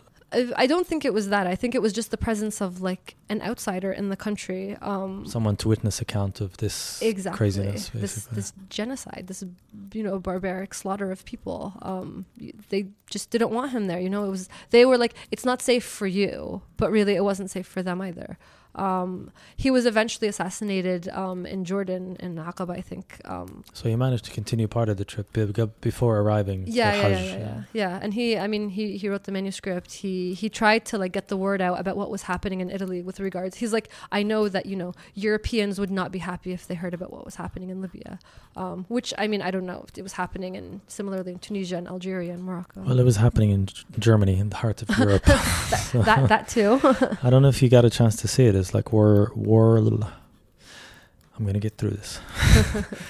World War Two in color. okay, no, You should. It's on Netflix. okay, Crazy stuff. This is exactly what you're talking about. We get to Yeah. see the very candid you're like meters away from Hitler as he's moving around doing normal things, smiling, and then ordering this and killing that, and and the gruesome details of how when you get forced to a camp to like changing your shoes from Mm. normal shoes as as a Jew living somewhere in, in Germany to like wooden very uncomfortable schlacke yeah, Yeah, uh, to basically degrade you right off the bat to a bed and breakfast sit- situation on the outside but it's really like this is the transition to camps it's very detailed like all the stuff that you hear about talk about and people are skeptical that it took place but you it's there and it's Yeah. documented heavily and they're at that stage i'm sure i don't know i guess the idea of broadcast is not common so it's probably just for them so and a lot of the people that get enlisted were photographers Yeah. Oh. yeah yeah and a lot of the most interesting bits is like people who are uh married to you know he's essentially of of the accepted race Hmm. uh, i'm assuming it's safe to say white in this case but the wife is jewish in order Mm. to save the wife and the children if they fight and get to an honorable level of something the the wife gets recategorized as a non-jew Mm. so they go fight and kill Jews and kill other people in Mm. other nations in order to save their own families. It's very interesting detail, but the, the the most interesting bit is the level of archiving and the level of documentation. You cannot escape it. You cannot say this is a fantasy or this is a uh, conspiracy or whatever the stuff that we might read in older history because it's in your face. The- Um, I mean, a lot of people were taking videos and photos and things during the war in Benghazi during 2011. I'm hoping one day, you know, when it's safer to release this kind of material, we'll see, begin to see, you know, different stories and different perspectives of what happened in Libya. I'm sure it's going to cause a lot of debate and controversy over who did what, and you know, but ultimately, every side has committed crimes at one point, and yeah. Most definitely. Shall we get to an easier place? you blog. Yes. You're right. Yes. You have an audience. Well, Um, audience in quotation marks. so you have people that are interested in what you create. I think it's a nice thing. Um, and I think there's a quote. I can't remember if it's in your Twitter account or your actual blog. It's like I, I keep writing about my country. No, I keep my country alive by writing about Yeah, it. Yeah, that's a quote by um, a Somali author, which I read. Um, um, I forget his name now, um, but he uh, he wrote he writes a lot about Somalia, and I felt like that's kind of what I'm trying to do with Libya. I'm trying to write about it just to keep it alive, at least in my memory, um, and just to let people know that you know we're still here. Libya didn't stop existing after 2011. Um, there's still life there. There's still things happening, and I guess it's just my way of documenting things. Um, If I go into your blog, what is there to expect for 2020? What's your obsession? Oh, I thought you were going to say what- in the past. I, I wrote a lot of angry, ranting things in the past. Um, I, I I don't like to delete things. You know, it's like that's who I was at that period of time, and I keep it. Um, for 2020, I guess probably a lot more on just urban design and kind of urban design in Libya specifically. Things like transportation, things like um, you know, how do we improve our cities? How do we focus on developing other cities around Libya? Um, obviously, someone will point and be like, "Hada mishwak tatawa," um, which I've I've been there. I'll caveat uh, that by saying for them, yeah, for you, hada For me, I feel like a lot of the problems in Libya today come from a lot of the failure of urban planning to deal with things like the housing issue. You know, we have a huge housing crisis. Where are these young men who are on the front line supposed to live when they come back? They know that it's not going to be easy for them. Um, you know, there's no facilities for things. There's nothing to do in Lib- like in Libya um, aside from cafes, maqahi, maqahi, maqahi. Who's building the next library? Who's building the next like entertainment center? Um, and It's you, isn't it? well, كله فوق راسك حيكون يعني. Because you're the only one See. thinking about these things. I'm sure there's a lot of Libyans who are thinking about these things and waiting for their time to come. I mean, you know, the blog has become just me ranting to just kind of my journey as a Libyan in Libya and around Libya, um, and still focused and interested in Libya. I think no matter where I go, I'm still going to be very much connected to the country. Because I think I've reached a point where I've reconciled with my Libyan identity. You know, there was a lot of highs and lows. There was a lot of um, a lot of struggles with, you know, who am I really? Do I really feel like I'm part of this culture, part of this society? I do feel like I've reached the point where I, I can say very clearly, very proudly, I am Libyan. You know, I'm from Libya. 100%? 100% Libyan. What happened to Canada? no, I always say I'm a Oh. I'm a double shafra with a single shafra heart. Um, but it is, uh, I guess, a lot of your Canadian experience informs you how you think and how you see things as well. Absolutely. I mean, the fact that I lived abroad outside of the country allowed me to discover the country in a way that maybe I wouldn't have done if I had grown up and was raised in Libya. so there's no more Canada chapters. You think? I I don't think so. No, I can't get Libya out of my mind. Um, and I think I'd love to go back for a visit. You know, stay there for a while maybe, but not. I don't see myself living there. I see myself in Libya definitely. I can't see my life not revolving around Libya. Right. So you're you're just leaving your spot for Prince Harry to to, to take He it. can have it. Two questions left, and this is always my favorite. You know, as inspiring, as interesting, as busy as you are, all of this has to chunk through a day, through a week, and in order to have a good week and a productive day, for me at least, I don't know what your experience is like. This first sixty minutes, as soon as you wake up, are crucial to Mhm. tweaking, setting the tone, and focus, Mm. or lack thereof, of that day. Any tips, tricks, secrets of how you go about your first 60 minutes? I'm not a morning person. the first like three hours are just a haze of me trying to wake up. Um, I'm I'm mostly a Takes you three person. hours. Wow. I, I thought I was bad. No, I, Is I that like 65 snoozes? 65, 70 snoozes. Um, I find something that is interesting, whether it's an article, whether it's like a Twitter debate, whether it's whatever, and then I, you know, something that, that gets You, me s- you, thinking. you start your morning with Twitter. sometimes, yeah. Well, mostly, yes. Wow. Getting my news straight from Twitter, yeah. You're, you're a warrior. Like, I, I would not go there. Like I feel like not I'm, Libyan Twitter at all. Oh, No, okay, no, no, okay. no. I my Twitter now is primarily geared towards urban urban design and architecture, Okay. and then I always think like, you know, n- this relates to Libya actually, and then Mm. that's how, for example, a blog idea starts to happen. so the people you follow are actually of the specialty or interest, not necessarily people who are like Exactly. retweeting the news and having debates. Like, It- so it, I have a little, you know, I follow a few people who, you know, tweet the news just so I know what's happening in the rest of the world. Um, but in general, I am very much focused on, on kind of this profession, and I want to stick to it for now. I'm, you know, who knows what will happen in the future, but for now, I feel like, you know, at some point, I need to pick a focus in my life, and I need to pick like a proper career path. And I've done a lot of weird things in the past, a lot of like a mixed bag of different experiences, which is not necessarily a bad thing, but. mm, mm, I really do want to now, you know, focus my energies on on this path of, of urban design. Um, and so my day is often consumed with just thinking about, you know, what to do next. I'm the kind of person who doesn't like to have n- anything done. I like to like constantly be be active, be working towards something. Um, and so I usually kind of try to find like steal you know bits of time during the day to kind of like sit down and write a proper blog post or write a concept note or reach out to someone that I think you know would be interesting to work with. Um, So you yeah. collaborate a lot. yeah. I yeah, absolutely. I mean, the first lesson I learned when I started that first project, Kitab al Sigar, was I can't do this alone. You know, the, it's a good idea, but how much impact is it going to have if it's just me or if it's just a few other people? You have to work with other people.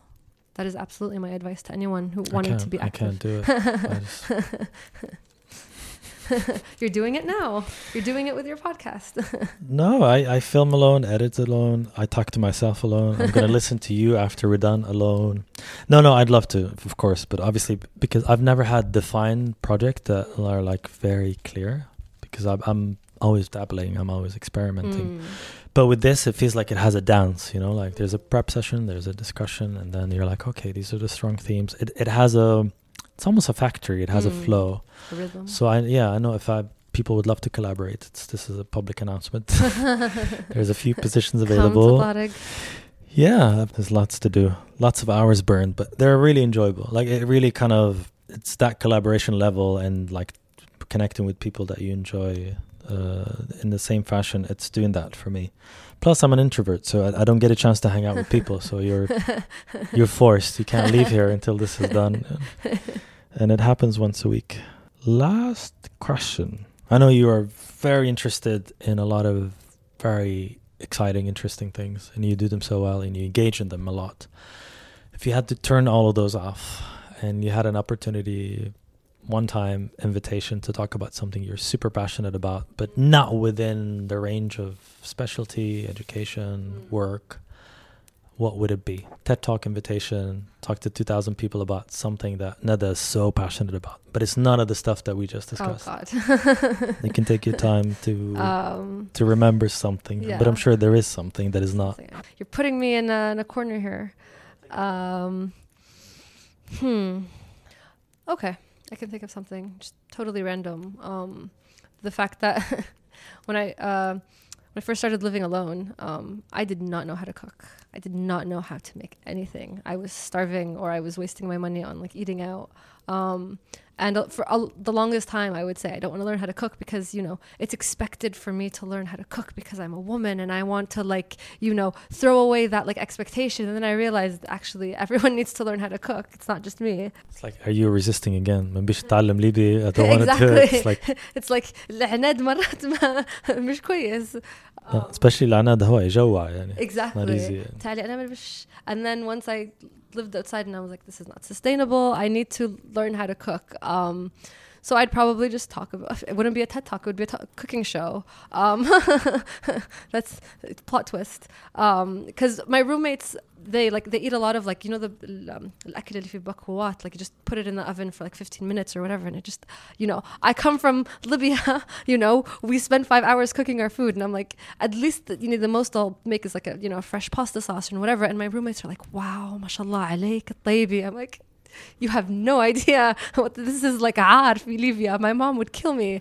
Um, so just yeah, like showing people how to make like because I've I've learned I've hacked how to like make really fast food that also like you know tastes fast decent. good food. Fast good food, yeah. So kind of like showing tips on how to do that. That's probably. What's your top two meals? Um Is okay. is, is, are you gonna write a book? Like top like fast good food under 15 that that will be my second book after writing um the uh, double shafra libyan uh, dictionary of um you know how to understand libyan uh, and stuff. That's like a project i'd love to do. Oh really? Yeah. Turn libya into like you know or explain how libya works to a non-libyan.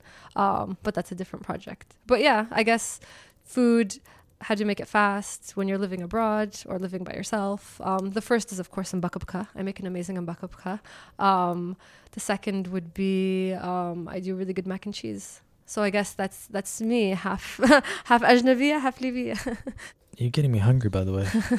And I'm, I'm conscious that we we actually do need to eat something. Yes. I'm done. This is it for this week. I'm Tariq, your host would you like a weekly email sent to your inbox? An email that includes a link to the new episode tips from guests direct links with what was discussed in the episode you know like music products and books. Yes? Okay then you can go to tariqelmeri.com T-A-R-I-Q-E-L-M-E-R-I.com and hit the subscribe button on the top right corner and enter your email. Stay tuned for next week. You'll be listening to حاجة غريبة اللي صارت في ليبيا ما واحد طلع من اليوفوريا بتاعت الثورة ويسحب ان ليبيا بتقعد مش سويسرا بتقعد السويد يعني This is it. See you next week.